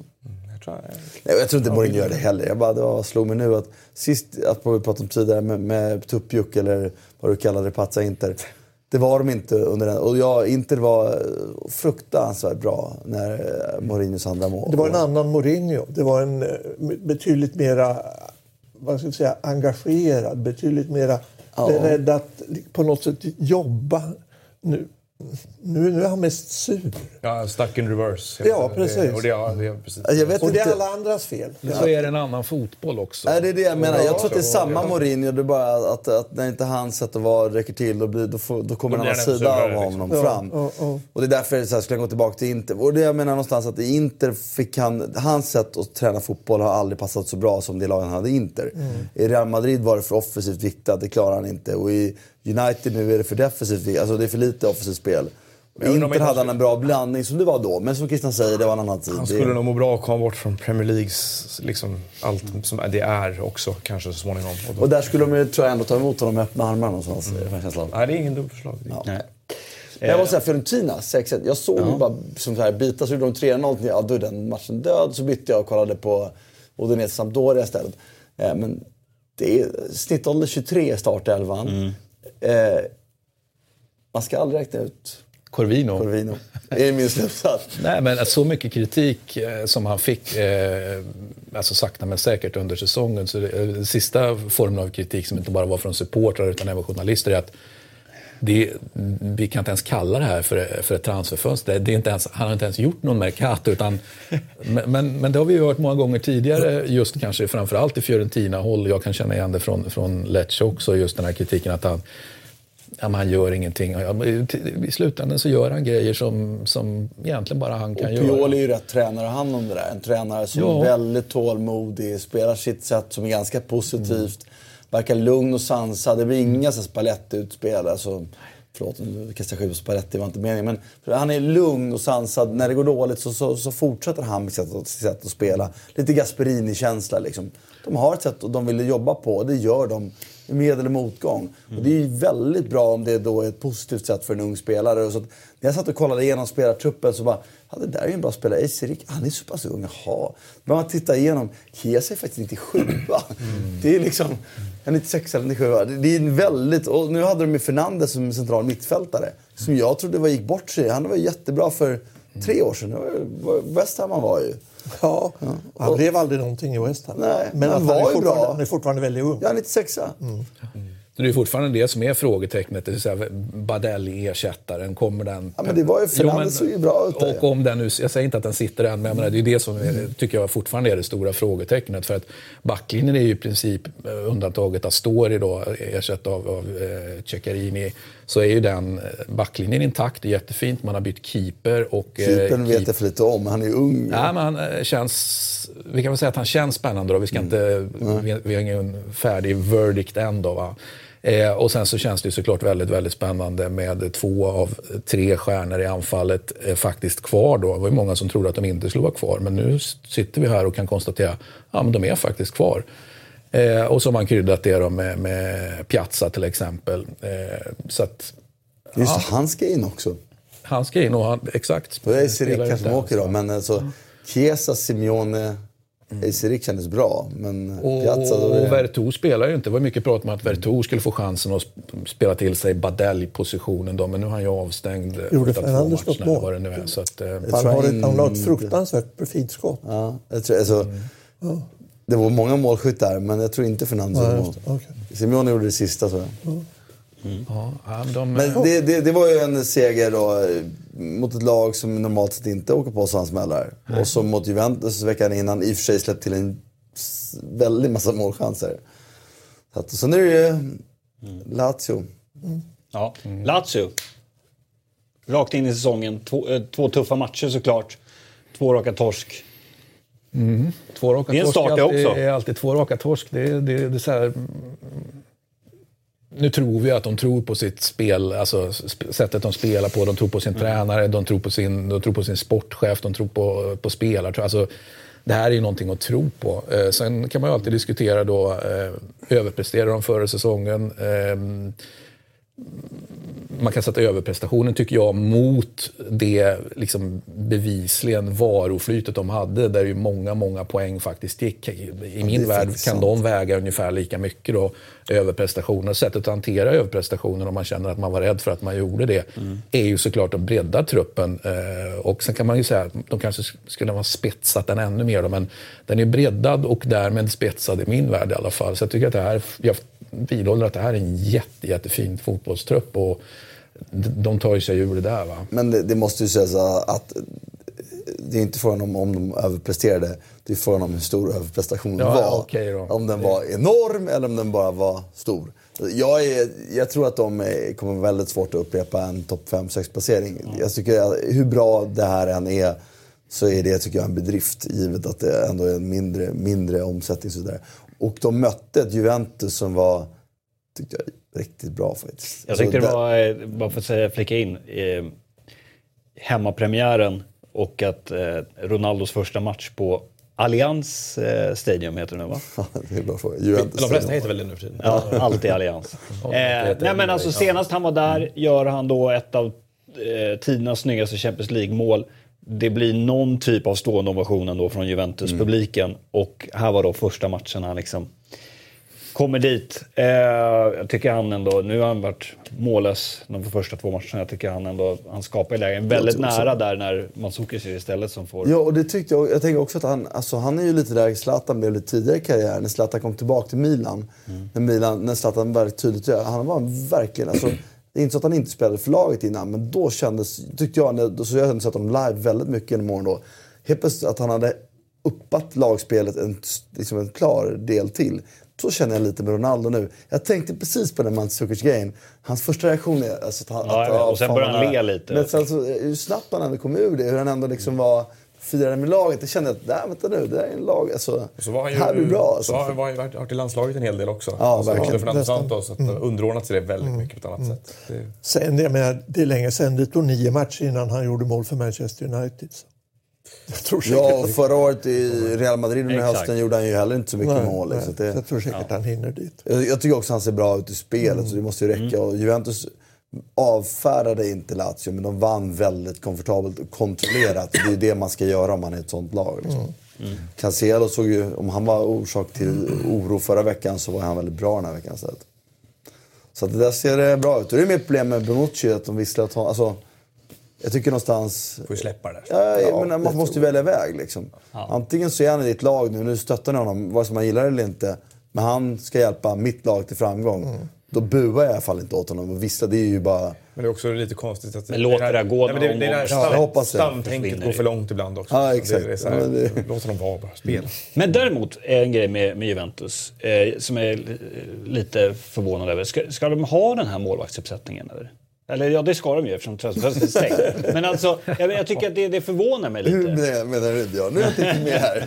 Nej, men alltså, ska de värva in Helman på fri transfer? En, en klubb som Juventus, som där ribban är Champions League-titel ska stå med den här keepern och den här keeperuppsättningen. Men han var bra förra året så jag ser inte varför man inte ska fortsätta. Men alltså, nu pratar vi absoluta världstoppen. Men han var ju så bra förra året utan han stod i Juventus. Jag tror, att, jag tror att, utan att tala för dig nu här, men ibland kan man, eh, när spelare försvinner från England till Italien så, ja, men det är med på. så försvinner de med ja. en... Man har en bild av dem. Mm. Du pratade om Vertu här förut. Han var väl i Aston Villa förut. Mm. Det var en sån pajas att man alltså, förstod inte vad de hade gjort för någonting. Som budgetvärde. Det där tycker jag sker genom hela Europa. Som när eh, från klubb, spelare från storklubbar, eh, oavsett om det är England, kan vara Spanien, Italien också, går till lite ibland lite ja, mindre klubbar. Det ska komma till i alla fall. Att så man, har, nej, men man, har, man har en bild av hur de är. Och sen så dröjer det, går en period. Och sen så oftast här, eller eh, man läser någonting, så är det så här alltså, så talas, omtalas om på Marcos Alonso, en annan sån spelare, mm. var ju på lån i Sunderland och var helt värdelös. Och sen så är han i Italien och så kommer han tillbaka och nu är han Premier Leagues bästa vänsterback nästan. Så att det är så här, det, det, de har ju ett annat sätt att jobba med fotbollsspelare och se egenskap fotbollsspelare i Italien. Och jag gissar att det är framförallt Eller som Ospina till exempel. Lite samma sak där. Det är lite tidigt att uttala sig om det kommer bra. Nej, men, jo, men jag menar att reaktionen eh, från många som ja, följer England är så här, varför plockar ni den? Det finns ju ett långt större underlag på Szczesny från England än vad det gjorde på Ospina. Ospina var ju ändå bara en bitpart-spelare. Jag tycker Ospina är en bra målvakt. Det är bara så här. Men eh, ja, jag tycker ändå så här, en klubb som Juventus. Ja, jag trodde kanske de skulle trycka in något större.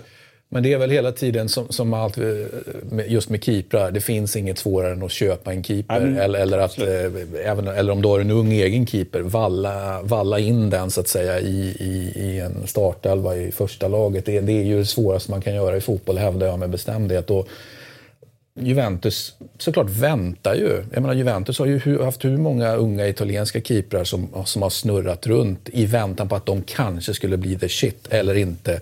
Mm. En del har de ägt, en del har, har, har de inte ägt utan bara haft liksom, superlupp på. Eh, det är klart att de går, går, i min värld, självklart att man går och väntar på eh, vem blir det nu? Alltså, mm. De har ju en utlånad i Sampdoria till exempel som ser jättespännande ut. Men alltså, det är ju perfekt att, att testa Auderos vingar. Han är fortfarande för ung utan han kanske behöver ha ett par år med lite erfarenhet.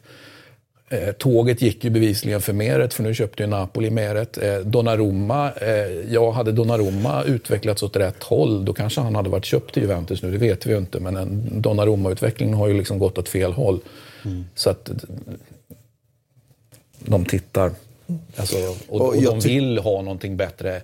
Kerstin är tillräckligt bra i det här läget och Perin som backar upp är också liksom tillräckligt bra, inte minst för att backa upp. Han är ju typ lika bra som Kerstin. Han har inte samma erfarenhet från Europa till exempel. Det känns det helt... Har. Nej, men, och det såg ju bra ut. Om, han stod ändå typ 20-25 mm. matcher förra året. Mm. Och då ska han, man ju komma ihåg att han gjorde det var faktiskt då, bättre än vad Buffon gjorde. Det var då säsongen vände. Det var då poletterna trillade ner. Det var då pusselbitarna satt. Det var när Kerstin stod i mål, inte när Buffon stod i mål. Så jag Chesney, vi ska inte underskatta hans fjolårssäsong. Utan Nej, exakt. Han, han, han gjorde det bra. Jag tycker bara det är intressant. Mm. Nej, men, han är, men han är ju ingen Jag säger inte att Chesney är en sopa, det är inte det. Alltså, Nej, men jag tycker det är intressant just det att spelare lämnar England med ett anseende. Ja. Och sen så har, ser man inte Serie A tillräckligt mycket och plötsligt så är de jättebra. Det, mm. det där är mm. väldigt vanligt känns det ja. mm. Tyvärr. Mm. Men det finns många sådana exempel. Mm. Ja, det gäller att ha en idé varför man köper var, spelare, vad man ska använda dem till mm. och hur man ska få ut det bästa ur dem. Framförallt försvarsspelare och målvakter tror jag. Mm. De kan förädla sig på ett sätt i Italien som inte i England där man mm. lätt blir hängd för Alltså det, det är såklart att Juventus vet vad de gör. Jo, alltså, jag tänker också om man tittar på Juventus målvaktshistoria. Så om, man, om man tänker på så länge jag har följt Juventus så börjar ju den målvaktshistorien med Dimo Soff någon gång och så, så drar vi den bara rakt fram. Eh, och sen har du vissa perioder när du faktiskt har Dinosov som kanske är världens bästa målvakt då under den perioden.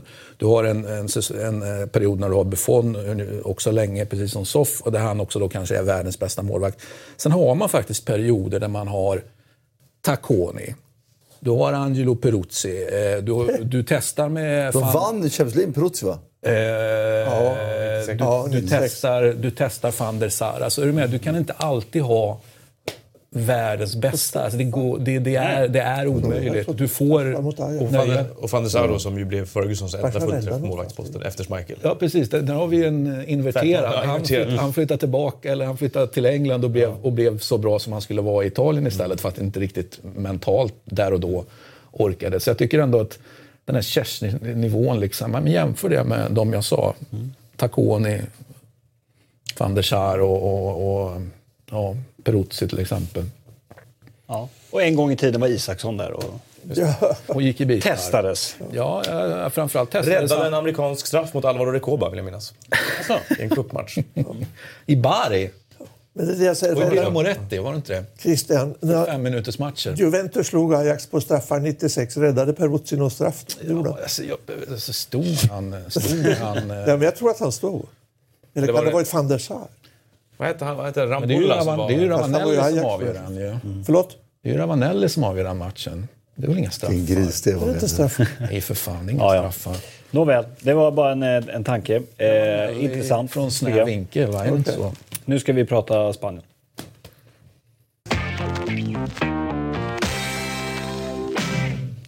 Där eh, Espanyol tvålade dit Valencia Eh, med 2-0. Det eh, var en match som stod eh, oavgjord ganska länge ändå. Där till exempel Borja Iglesias eh, gjorde mål. Eh, 10 miljoner euros värvningen. Ganska mycket pengar ändå för, för Espanyol. För Espanyol. Eh, levererar. Eh, men, men också, ja, jag vet inte. Jag trodde kanske mer om Valencia inför en sån här match. Än att torska med 2-0. Ja, verkligen efter den fina upphämtningen eh, mot Atletico Madrid eh, i andra halvleken som de stod för i Jag tänker framförallt försvarsspelet var under all kritik på de här Ja, jag kan målen. inte prata så specifikt för jag såg inte matchen. Eh, Så att, däremot kan jag ju, jag hade ju kryss tvåa på den här så att Mm. den sved. Ja. Samtidigt så, eftersom jag då, trots att jag håller Barcelona ändå är såklart är svag för Espanyol, så tycker jag att det är lite roligt att Espanyol går bra. Så att, och jag har egentligen inga här, känslor för Valencia, men man vänder på det så jag tror att spansk fotboll mår bra av att Valencia är topplag. Och jag tror att Valencia borde ha potential att börja utmana topptrion. ja. Så att det, i den aspekten så var det en, en stort setback. Men det kanske också var en sån match som man kanske behöver en sån här Men- knäpp på näsan och för tränaren också att få se vad... Ja, men det är ju nyttigt ibland att, att få det. Det går ju att argumentera för. Jag tänker på det när man tittar på de här systemskiftena som sker där ute. Till exempel Sarri som trots att det kanske inte ser jättebra ut får resultaten med sig. Alltså, tolkar du det positivt? Fan vad skönt det känns. Liksom, är det med? Vi, har, vi, vi, har, vi har gjort ett sånt otroligt stort skifte och vi får resultaten eh, med oss. Mm, samtidigt, ja det kanske går lite för lätt. Va? Jag tycker du kan, ju, du kan ju väga de där mot varandra. Eh, och, då- och då kanske det är bra med någon initial näsbränna. Då. Men det vet vi ju först egentligen efteråt. Vi kan ju bara sitta och spekulera om näsbrännan är bra eller inte. Vi, vi pratade ju eh, tidigare förra veckan om det här med de här La Liga-matcherna som ska gå i Nordamerika och nu har ju eh, det fortsätter ju eh, hela det här surret och spela facket och kaptenerna protesterar eh, mot det. Eh, och eh, Lopetegui eh, är med spelarna. Han menar på att det här kommer inte hända. Nej. Nej, och det eftersom det är inte klubbarna som är bakom det så om Real Madrid säger nej så... Men det är lite intressant att man, då verkar man ju kanske inte då ha pratat med spelarna och med klubbarna innan det här liksom kommer ut. Nej, det hade de Det är lite konstigt. Ja, förresten ska vi åka till USA och spela matcher. Ja. Det är lite märkligt kan man tycka. När det är en så stor apparat att man inte gör den. Det finns ju en aspekt där att börja prata och in, inviga klubbarna i beslutet. I, för La Liga äger ju rättigheten i La Liga, så de har ju egentligen rätten att bestämma. Eh, sen är det ju alldeles så enkelt, men om du inviger klubbarna i det beslutet så kanske får nej och inte ens kan presentera nyheten. En ta- En sätt är att presentera nyheten och börja förhandla åt andra hållet. Så det, det, tycker inte jag är helt orimligt. Men om Real Madrid och Barcelona säger nej så kommer det inte bli av. Och synd att de har skrivit ett 15-årskontrakt då. Som de måste sitta med. Letter of intent. ja, nej, men eh, Real Madrid däremot eh, tycker jag är är roligt att se på igen. Det, det är Ja. liksom mer, mer gammaldags Real Madrid. Ronaldo var en liten stoppkloss ibland liksom, i spelet. Men de här spelarna som kanske har varit lite i skuggan då nu. Benzema gjorde två va? Ja. jag. Gjorde han fjärde också? Det såg jag inte jag. Ja. Nej, men, eh, och, Bara en sån sak. Ja, och eh, Isco Asensio är lite roliga, småroliga att se på och sådär. Och det, det är lite, Bale mindre, lite mindre maskin och lite mer eh, gammaldags Real Madrid. Lite Gutti Real Madrid då. Höjden är hög men... Också utanför planen. Det var inte snack om att han skulle ta över. ja, det, så det jag vet. Och det Fast Real Madrid. han över, så blev han assisterande i Besiktas istället. Eller var det? Alltså, Real Madrid-supporters säger ju, för att min bild av honom är ju bara blandad lite till hur han var utanför. För det är de gånger man har sett honom vid plan. Så känns han ju inte som den mest smarta, den smartaste och inte den mest seriösa personen. Men det kan ju ändras så man kan ha missbedömt honom i andra situationer. Men eh, nej, det var, tycker jag ändå, ändå alltså, det var jag såg inledningen på matchen var ju riktigt rolig. Och det är ju ingen lätt motstånd. De här Real Madrid vill de ju slå liksom. Det vill alla för sig. Men... Ja. Och eh, Barcelona vinner programenligt. vinner programenligt. Och det är inte, tycker jag heller, återigen, eh, inte så att man... Ah, Det, det, det, ser inte, det ser inte så svinbra ut liksom. Nej. Men Faktiskt. vad tror du om Barcelonas säsong? Alltså jag, truppen är ju riktigt, riktigt bra. Jag tycker balansen på laget är fantastisk faktiskt. Eh, som jag var inne på tidigare, min oro när man säljer, eller släppte Paulinho, man sålde honom faktiskt inte, man lånade ut honom. Men var ju att, att man har underskattat behovet av en spelartyp som vinner boll. Liksom. Men tar man in Vidal så har man ju liksom Uppgraderat. Ja, så då är det är ju den... Då, nej, det finns ingenting. Dessutom så, så är ju Dembélé just nu Ja, mycket bättre än vad jag trodde han skulle bli. Så att det, ser, det ser väldigt bra ut så. Men spelet fortfarande, det är fortfarande Valverde som är tränare och jag tyckte han förra året inte kunde förändra matchbilder eller inte läste av matcher eller motståndare speciellt bra. Eh, och det var väldigt beroende av individuella prestationer och det är ju fortsatt. Liksom. Samtidigt som, jag menar, vinna borta mot Valladolid i andra matchen eh, i La Liga, det är jättebra. Liksom. Sen är det ju på något sätt i början, de låter Piqué åka av och anmäla matcher till USA för att syssla med Davis Cups nya system och så. Här, så att Ja. det, är inte liksom, det riktiga allvaret är inte där på det sättet. Nej, och det, det är inte nu man ska vara i form. Liksom. De kommer att spela, många spelare kommer tillbaka från VM. Det är ju liksom en försäsongsträning de bedriver samtidigt som de skaffar sig resultat. Och så är det ju för alla klubbarna. Och Atletico Madrid kan man väl säga, de är inte heller... Alltså, men de vinner ju De är, väldigt, de är väldigt bra på att mala på i alla fall. Precis, så att det är väl mer, mer, mer enligt linjer. Så att, eh, det är ju, och Sevilla Villarreal var ju riktigt underhållande att se på tycker jag. Och det såg jag bara med ena ögat, ska jag erkänna. När man inte ska underskatta Villarreal. Vad har vi Sevilla då? Det är inte lika bra trupp tycker jag som hade förra året. Men det är fortfarande ett lag som ska vara med och slåss om Champions League-platser. Det är ju de och Valencia. Eh, eventuellt Villarreal. Eventuellt något eh, om Real Betis eh, liksom fortsätter. Eller Celta Vigo har någon speciellt bra säsong. Men Men de ska ges nu, en som gick ju till Roma, eller hur? Så det är ju Ja. fortfarande en ganska central liksom, byggsten för dem som ska... Någon Men annan ska in där och funka central- lika bra. Liksom. Mindre De har central- ju fortfarande några dagar på sig och, och fingra på. Exakt, 31 stänger. eh, Så att Och det var mindre central förra åren då. Även om jag, eh, ju mer, eh, när jag bytte under säsongen så blev det ju mer en som syr igen. Men... Ja, nej det vi får, får väl eh, liksom... Men jag, svar- svar på- jag tycker truppen fortfarande är bra nog för att blanda sig eh, och strax bakom de topp trio. Men det är inte där att de ska hota. Det skulle vara om Real Madrid, Barcelona eller Atletico Madrid har en dålig säsong. Jag tycker Valencia ser starka ut på pappret också. Alltså jag tror att det, jag tror Ja. de slåss för, för fjärde plats ordentligt. Så det, Absolut, det var det vi pratade om för någon vecka sedan. De gör ju ett bra transferfönster. Ja, verkligen. Men det ska också, det, det likadant Va- Valencia tycker jag hade en överprestation förra året. Eh, och den, den ska de upprepa. Och då, jag menar, det är ju det är ju rimligt att tro att de, de har bättre trupp men ändå inte har lika bra utfall. Liksom. Måste gå och ringa ett samtal. Ja, men gör det. Vi som strax ska gå till Tyskland. Ja, men till dess. Eh, men tror du också då Martin att, eh, som vi har varit inne på, Noah har ju varit inne på det, som att Atletico eh, de Madrid, de vinner ligan i år.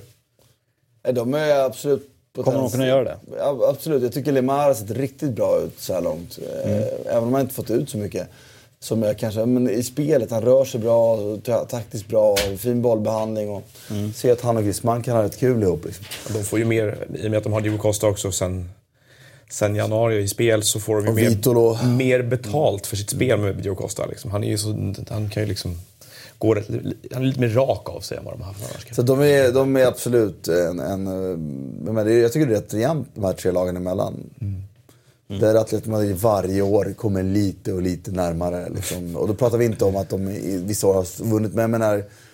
De, de mer och mer, förutsättningarna blir mer och mer nära Barcelona och Real Madrid. Och för, för det är ju det, men det, och det som, imponerande, det som imponerar mest med Simeone, och det har vi pratat om många gånger här, tycker jag, det är ju liksom den, den lilla, lilla förbättringsmarginalen han har att jobba med. Att han hela tiden äter några procent på det nästan varje gång man ser det. Nu har de ju inte varit lika långt i Europa förra året i alla fall. Liksom. Men, men eh, som lag, att de... Det är så lätt att ta två steg tillbaka och det är inte dåligt gjort för det. Liksom. Men att de hela tiden, trots att de, är, de max, ligger så nära maxprestationer, att de fortsätter att, att vara där uppe nagga. Ja, och nu, precis Europa, de åkte ur alltså, överraskande en väldigt jämn grupp i Champions League och eh, från det gjorde de av max. Det att man vann Europa League. Så jag tycker fortfarande den Europaprestationen Ja, det är bra, absolut liksom. inte dåligt. Nej, såklart inte. Det var inte min poäng heller. Nej, jag förstår det. Men jag var för tydlig. Trots att eh, Frank stack iväg nu för att ta lite samtal så eh, tar vi oss till Tyskland som Martin har eh, kommenterat.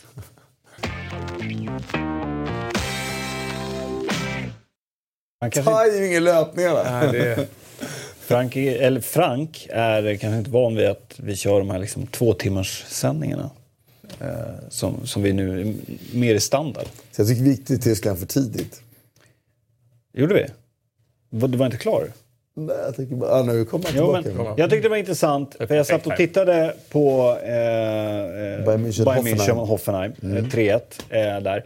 Och eh, Martin, du lyfte fram lite kritik eh, mot eh, Bayern Münchens ledning under matchen. Ja, Eh, jag vet. Det var ett resonemang där som kom igång lite väl långt under Ja, matchen. precis. Det, det blev Ja, liksom det en, typ två nästan en di- mm. diskussion under matchen. Det var lite härligt. Vill du Fick ett utveckla det argt lite? sms av eh, redaktören. Alltså, Det här är inte Eurotalk. ja. Men nu är vi i Eurotalk. Kan vi utveckla det lite vad- och vad du var inne på för de som kanske inte såg det? Nej, men jag kan väl börja dra bakgrunden lite. Så här, att, att eh, Bayern München har ju ehm, ehm, amorterat ner på sin arena. De är, de är skuldfria förening. Eh, alltså, då pratar vi inte kortfristiga, men långfristiga skulder vad jag vet. Eh, eller i varje fall, de har, har haft en väldigt aggressiv amorteringstakt. Och i min värld, så, och det är lite gammeldags tycker jag, och det är lite, det är lite Tyskland överhuvudtaget. För tyska klubbar, det är liksom, så här, de hade en stolthet att visa svarta siffror alltid. Då tycker jag att, va? Det är inte det jag går ut på. Utan då vill jag vända, använda de här begreppen. Det är skillnad på företag i, på börsen som är vinstmaximerande. Ja, då ska man ha svarta siffror så, och det ska stå vinstmarginal som möjligt. Men vi, fotbollsklubbar är nyttomaximerande. Det vill säga vi ska använda resurserna så bra som möjligt. Bayern München gör ju inte det. det är de, de, jag skulle vilja säga tvärtom. Bayern München är just nu en klubb som missbrukar sina resurser en aning. De skulle, de, ingen annan klubb i Europa har samma förutsättningar att vinna år ut och år in som Bayern München har haft de sista fem åren. De har inte varit i final på fem år. Alternativkostnaden de har, eller alternativet de har gjort är jättebra. De har vunnit ligan och varit nära, visst. Men jag skulle som supporter Bayern München vara förbannad. Om, kan, om man tänker lite ekonomiskt så har ju de...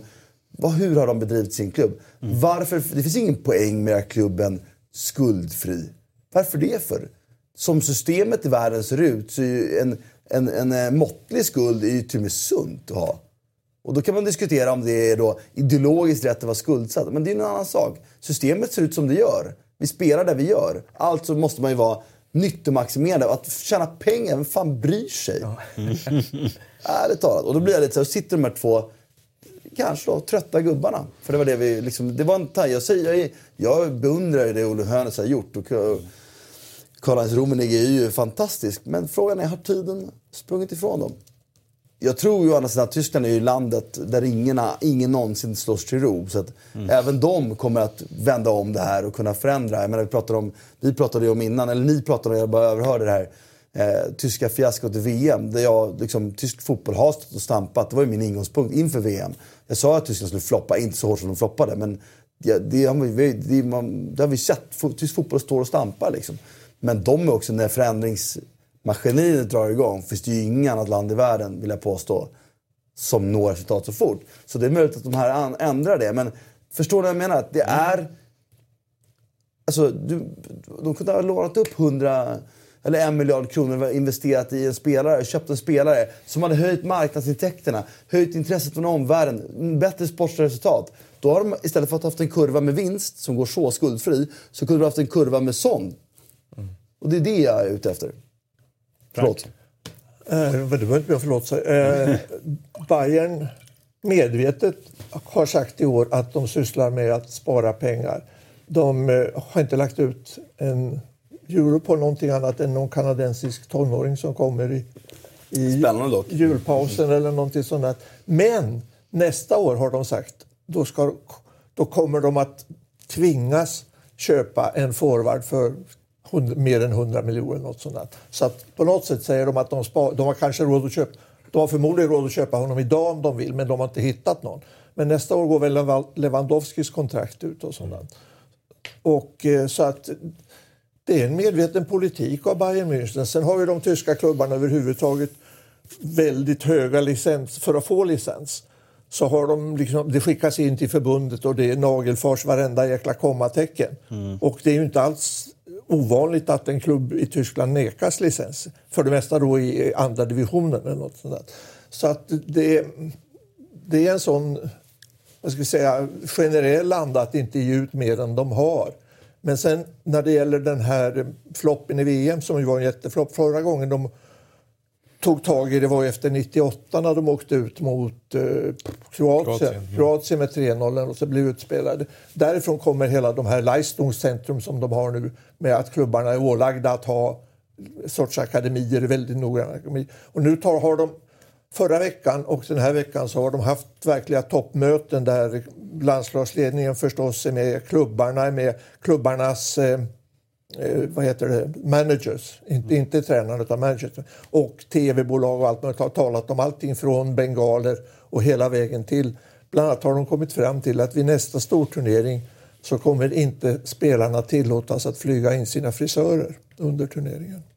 Vilket de tydligen sysslade med. Det har ju pratats om alltså också i... Om det vi, låter som om en icke-fråga i min om, värld. Om, om, vi pratar om... Eh, alltså, ja. det pratar vi ja. 0,01 marginalnytta. Men det var en av de grejer de har kommit fram till. Men det, det, det pratat, symboliken. När det gäller ja, landslaget så har det pratats om grupperingar ja. och, och sådär mm. och sprickor. Mm. Eh, men ja... Det är ju något... Men det har de ju alltid haft. Vad ska man säga? Mjuka värden som kanske är ja, men lätt och svårare. Jag tror väl att det på, alltså de det är väl inte fel att säga att de skäms liksom för att det gick så in i skogen dåligt. Mm. Ja, men, eh, det, men det är på landslagsnivå? Ja, men, sjukdomsinsikten har varit dålig, men mm. jag tror att handlingskraften därefter kommer vara... Så det är, man, ska komma ihåg att deras ungdomslandslag presterar fortfarande väldigt bra. Ja, de vann inte... Confederations med en U21-generation som inte ens mm. involverad i A-lagssammanhang. Men ändå inte har de tagit steget. Det är det de måste vara lite oroliga för. Jag tycker, ju snabbare man går sak lite i förväg kanske om man, om man eh, tycker, tolkar Bayern Münchens eh, no-show Champions League-finaler och att de kraschade ut i VM-gruppspel som att tysk fotboll behöver Men titta på deras eh, Uefa-ranking, hur, hur lagen har gått i Europa, så, ja. så är den kurvan under 3-4 ja, år. Det måste man ju. Absolut, den är, den är, tittar man matcherna så, så ser man också att Tyskland var pressade liksom, toppen, alltså Spanien om att bli bäst och nu mm. har det fallit tillbaka. Mm. Vi pratar inte om några stora fall, men det är tre delar. Och Bayern München, jag tog inte Bayern München som tecken på det. Bayern München kunde inte varit, även om, för så här, Bayern München... Det har gjort sitt. Ja, de, de, de kunde ännu mer tycker jag. Det, är det, som var, det var en annan mm. fråga. I min värld så tycker jag att Bayern München kunde ha investerat och vunnit fem raka Champions League-titlar. Det hade ändå gjort att Tyskland hade haft eftersatt på en annan bit. Liksom, mm. Tyskland är fortfarande, jag menar, pratar vi Italien så är de fortfarande inte nära att komma till bukt med sin talangutveckling ännu. Och det är långa cykler och så vidare. Men Bayern München, och det var det Björn började med. Jag tycker att de, alltså den här, och det är lite tyskt sätt att tänka, att vara skuldfri till ingen nytta. Då har man liksom inte riktigt, jag, de har, inte, de har inte varit nyttomaximerande. Nej, men det, är, det, är, det, är, bara det, är, poäng, det är en parallell diskussion, liksom. absolut. Men det håller jag med om. Och sen Däremot att, när på, landslagsnivå då, så tycker jag att tittar man vad som händer bakom A-landslaget så finns det ju rätt mycket saker som tyder på att de är inte nära någon rejäl dipp. Fallet blir aldrig stort.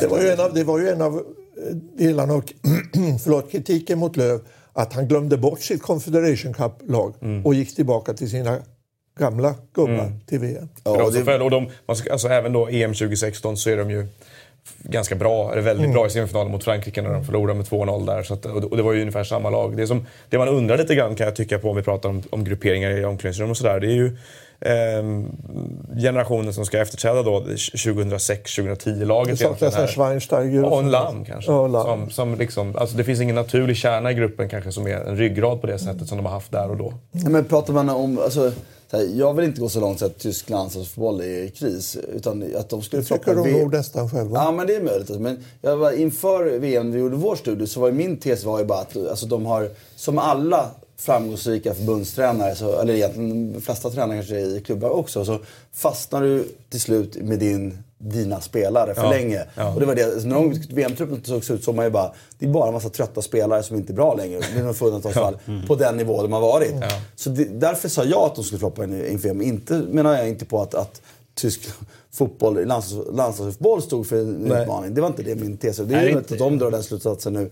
Men däremot tycker jag ju att klubblagsfotbollen där har stått och stampat Slutat hävda sig. Ja, ja, alltså deras Europa League-facit är ju uselt. Ja, och, och, det, och det säger jag, och det vill jag påstå, rätt eller fel, att det beror på två saker. Det ena är ju det jag är inne med Bayern München. Att man har haft en annan approach till hur man bedriver så nyttomaximerande klubbar. Mm. Som jag inte står bakom. Där tyska fans är väldigt glada för att alltså, Bayern München är skuldfria. Men det, jag tycker att det borde vara ett ointressant fokus.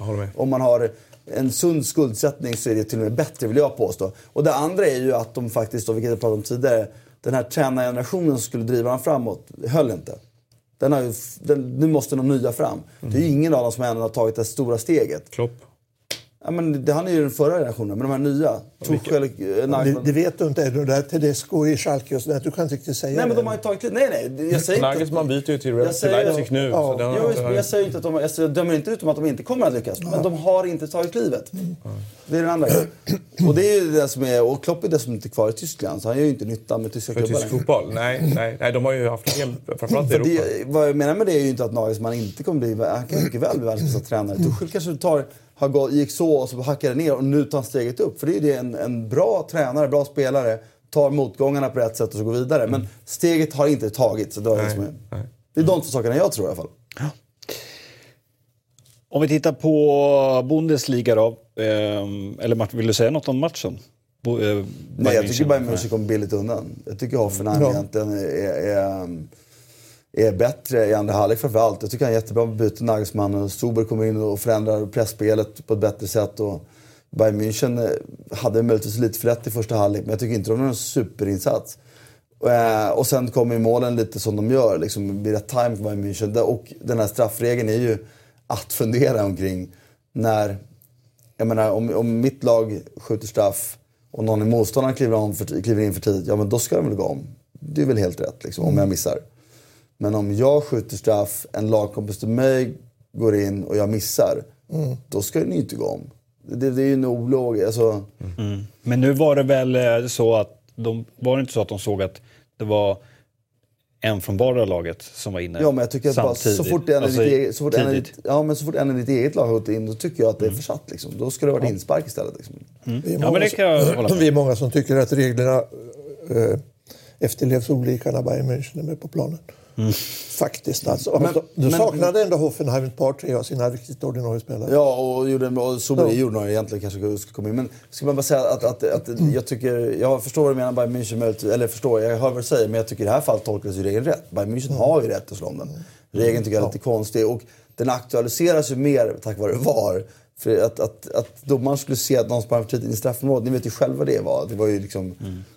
Men det blir en intressant, en någon- intressant, alla sprang för tidigt, alltid ju förr. Liksom. intressant följetong med, med, med Nagelsmann då, i och med att han stannar kvar fast han är klar för Leipzig. För Leipzig. Jag tycker om sånt.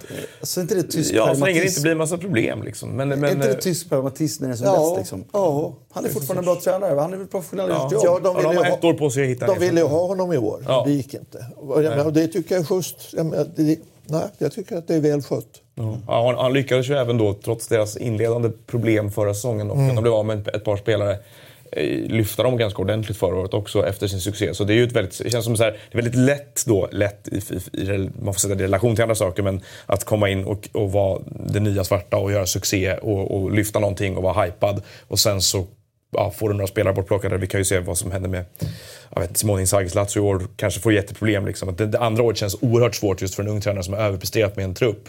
Att Nagelsmann då lyfte dem till en... Alltså han visade att hans, hans arbete höll även ett andra år. Det var, tyckte jag i alla fall, kvitto Efter att ha tappat Rudi, intressant efter att ha tappat Syle och sen så småningom Precis, Wagner. Wagner också, exakt. I år bara han Ott som har försvunnit. Ja. Som i och för sig gjorde en del mål. Ja. Men nu slipper de också kvalet. Det är också sån här grej med, med förra året fick de ju tidigt kval. Mot Liverpool, som gick till final i Champions League. Ja, just det. Ja. Jo, exakt. Och fick det då fel i säsongen liksom också. Så att det, det är på sätt och vis skönare för de storklubbarna nu.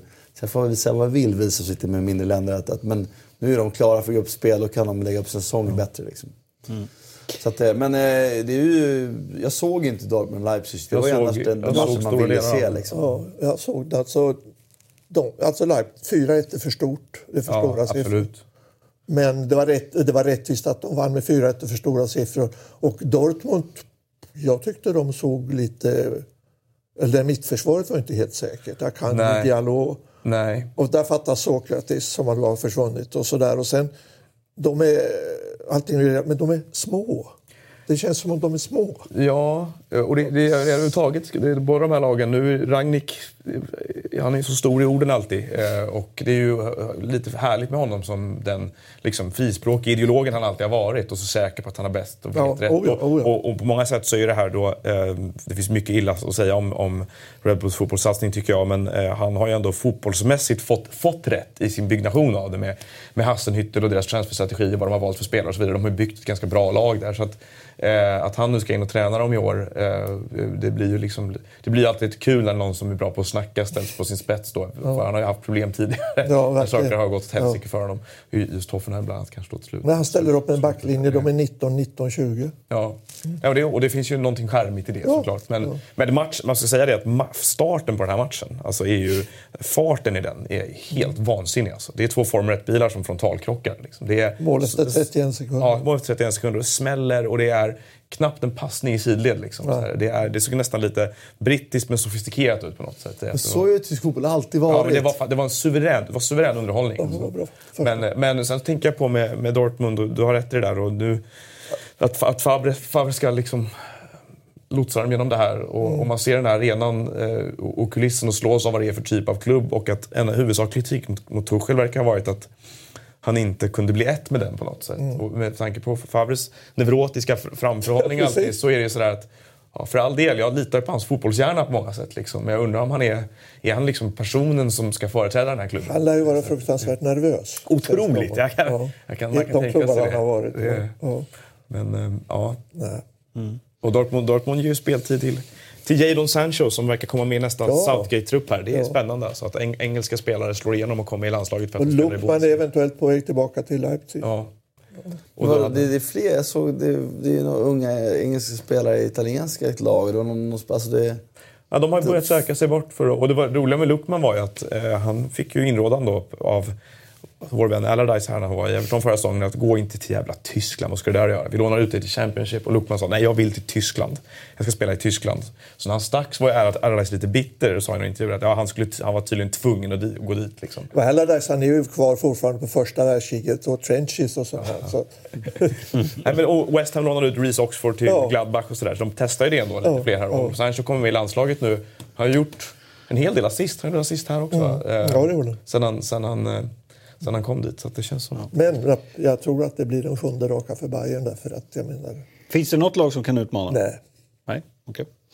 Nej, det finns det inte. Jag menar, det, det ena eller andra laget kan naturligtvis slå Bayern. Det gjorde de i fjol också. Ja, ja. Men inte över 34 matcher. Eh, apropå vilket av dem är bäst de här? Är det Dortmund då eller? Jag vet inte vilket Dortmund vi får se. Det känns Nej, ganska osäkert så- fortfarande med tanke på att de har de vacklat har, så mycket. de har ingen riktig eh, mittforward, de har ingen center. De växlar nu mellan Filip och Royce, byter om och lite så efter Aubameyang. Det, ja, det har de skrivit, eh, apropå Tyskland. Apropå, Dortmund har dåliga erfarenheter med Dembélé och Aubameyang. Så nu har de skrivit, formulerat om spelarkontrakten. Att nu, är det liksom, nu får du inte plötsligt vakna i Milano när du har match på eftermiddagen i Dortmund. Och sådana här saker. Rimligt. Ja, nej, ja. Nej, men alltså det är på papper riktigt nu och de påstår att nu har de fått ihop en trupp där folk är fokuserade på fotbollen och matcherna och Dortmund. Vi får väl se. Mm, vi får se. Alexander Isak då? Eh, Han var inte ens med på bänken igår. Han verkar ju inte vara en del av eh, det, här, det här bygget. Eh, Nej, han får, nu, nu är det dags för honom. Nu Jag, jag, nu måste han, i, I vinter måste han väl eh, sticka någonstans. ut någonstans. Ja. Ja, helst nu innan. Det är inte kört fast- Han borde ju lämna nu här så han får spela i jag, höst. menar, jag, Nej, men det är inte så många ställen han... Ja, nej, men jag, jag, jag ställer mig ändå bakom att han tog chansen. Det var en, ja men absolut. det var en talang som vi inte visste hur stor den var. Liksom. Nu har han provat på den absolut högsta nivån av, av talangutveckling. Okej, Bayern München, eller Barcelona, Bayern München, kanske Real Madrid, vad vet jag. Men det är där uppe i alla fall. Ja. Okej, han lyckades inte där ännu. Då får han väl ta ett steg tillbaka. Liksom. Men nu måste han starta om och nu måste han liksom... Spela matcher. Ja, så jag, tyckte, jag tyckte när man hoppade in, han fick ju chansen några gånger framförallt runt vintern, hösten förra året. Att han såg såg, bra ganska bra ut spelmässigt. Liksom. Han har ju touchen, han har spelförståelsen och allt det här. Han gjorde inte mål på sina chanser och det är ju ofta avgörande i de här klubbarna. Att du, att du inte gör det du är på planen för. Men man får hoppas att det inte blir en Ödegård till. Eller? Och gå på till Heerenveen tio säsonger i rad. Ja. Slutar på, på isländska ligan när han är 23. Nej, men det, det ska inte hända. Men Det, däremot, alltså, så här, nu ser jag inget problem med att Han är ska 18. hamna, Han hamna fyllt i 19 än, alltså. holländska ligan till exempel och spela. Därför att, jag menar, jag sa att när han gick så tyckte jag Holland var fel. Därför att om han nu är på den nivån som han kanske, vi trodde han kanske kunde vara så är det dumt att ha det för lätt i Holland att göra mål och spela mot holländska backar. Då skulle du spela där det är lite tuffare. Det är dags att mäta sig med de bästa. Okej, nu gick inte det. Han var inte bra nog att ta plats i Dortmund. som 18-åring. Nej, nej, men jag, Det är vi, helt vi, okej. vi, pratar, nej, nej, vi Om pratar om heter de, vi pratar om största talangerna i världen. De gör det. Han var inte så bra, men vad fan, det är inte... Det, inte Zlatan hade väl gjort det. Nej. Så det är ingen Nej. skam, det är inte det jag säger. Utan det är en pragmatism. Nu får han ta ett steg tillbaka. Och det vill Holland jättebra. Däremot gjorde Ishak mål för Nürnberg i Brände cupen. straff också. Ja, han gjorde två mål i cupen när de ändå vann. Brände, Är det ligan han brände straff eller? Såg bara... Det har jag missat. Ja. Och Quaison gjorde assist för Mainz va? Ja, den, Ja. den var Riktigt bra. Quaison, Han borde komma i landslagstrupp nu på... Och Bahoui gjorde mål för Grasshoppers. D- Två till och med. Jaha. Så han är. Vad lever? Ja, han lever. Ja, just det. När tar la- landslagstruppen ut? 29 tror jag. 29. Men nu har ju alla tackat ja som gick till kvartsfinal i VM så det känns som att det är tuff, en tuff väg in där. Ja. Så är det. Alltså, det är ingen som... Toivonen, Larsson, Berg, Granqvist, alla fortsätter ju. Liksom. Oj då. Jag vet inte om Gustav Svensson har meddelat sig ännu. Men, så det kan finnas en Johansson Apropå, apropå det där med att förnya som vi var inne på tidigare. Det låter fullkomligt livsfarligt att alla är till. Jag behöver ju inte ta ut dem. Det Eh, sig, exakt. Men, men, Nej, det går ju inte att bortse från den risken. Att, Jag hissar varningsflaggan Ja, direkt ja, där. men faktiskt. eh, Alltså. ha eh, med dig. Eh, vilka, om vi, om vi, jag frågade om vilka som kan då eh, utmana Bayern München och det finns ingen. Eh, vilka kommer slåss om Champions League-platserna då?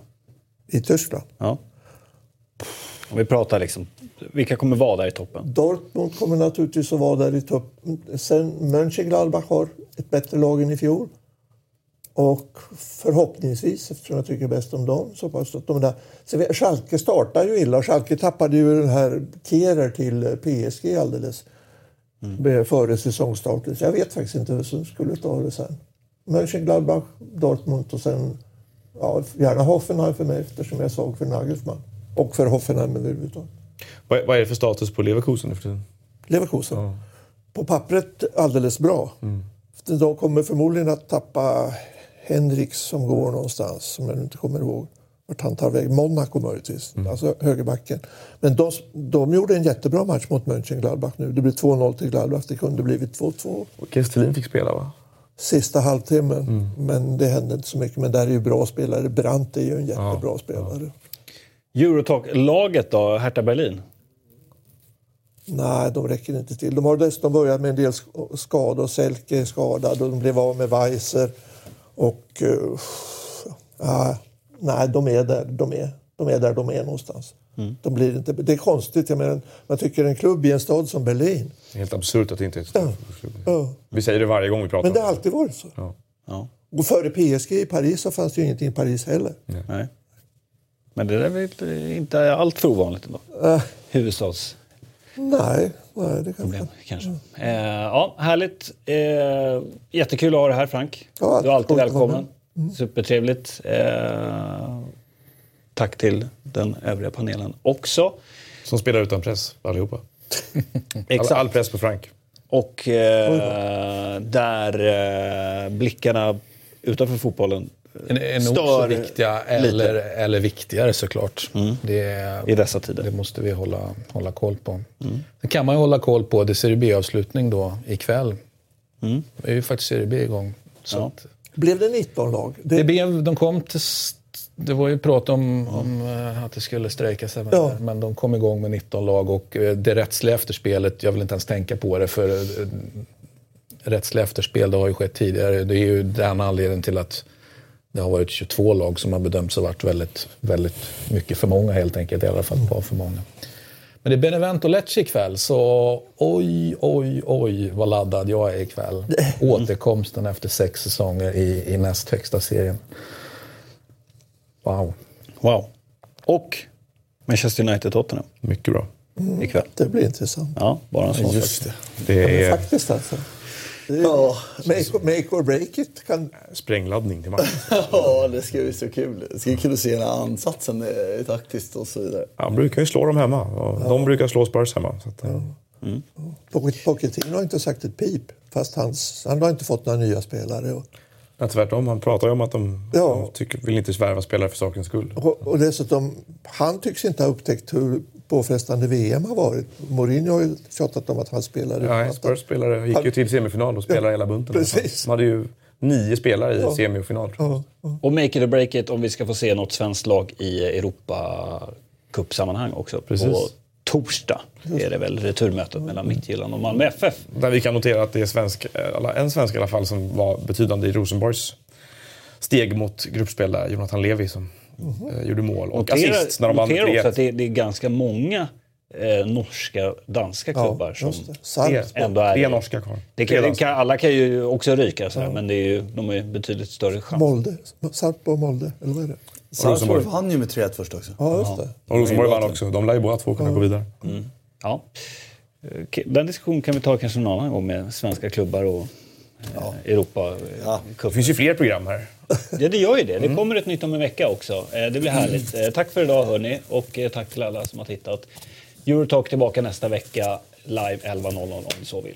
Då tror jag faktiskt att David är tillbaka. Det tror vi på. Då är vi inne i september. Då rullar han igång. Tack för mig.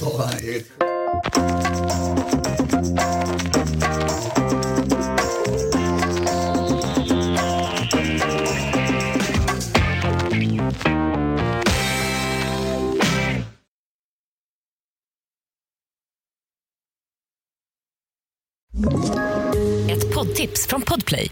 I podden Något Kaiko garanterar östgötarna Brutti och jag, Davva, dig en stor dos skratt. Där följer jag pladask för köttätandet igen. Man är lite som en jävla vampyr. Man har fått lite blodsmak och då måste man ha mer. Udda spaningar, fängslande anekdoter och en och annan arg rant.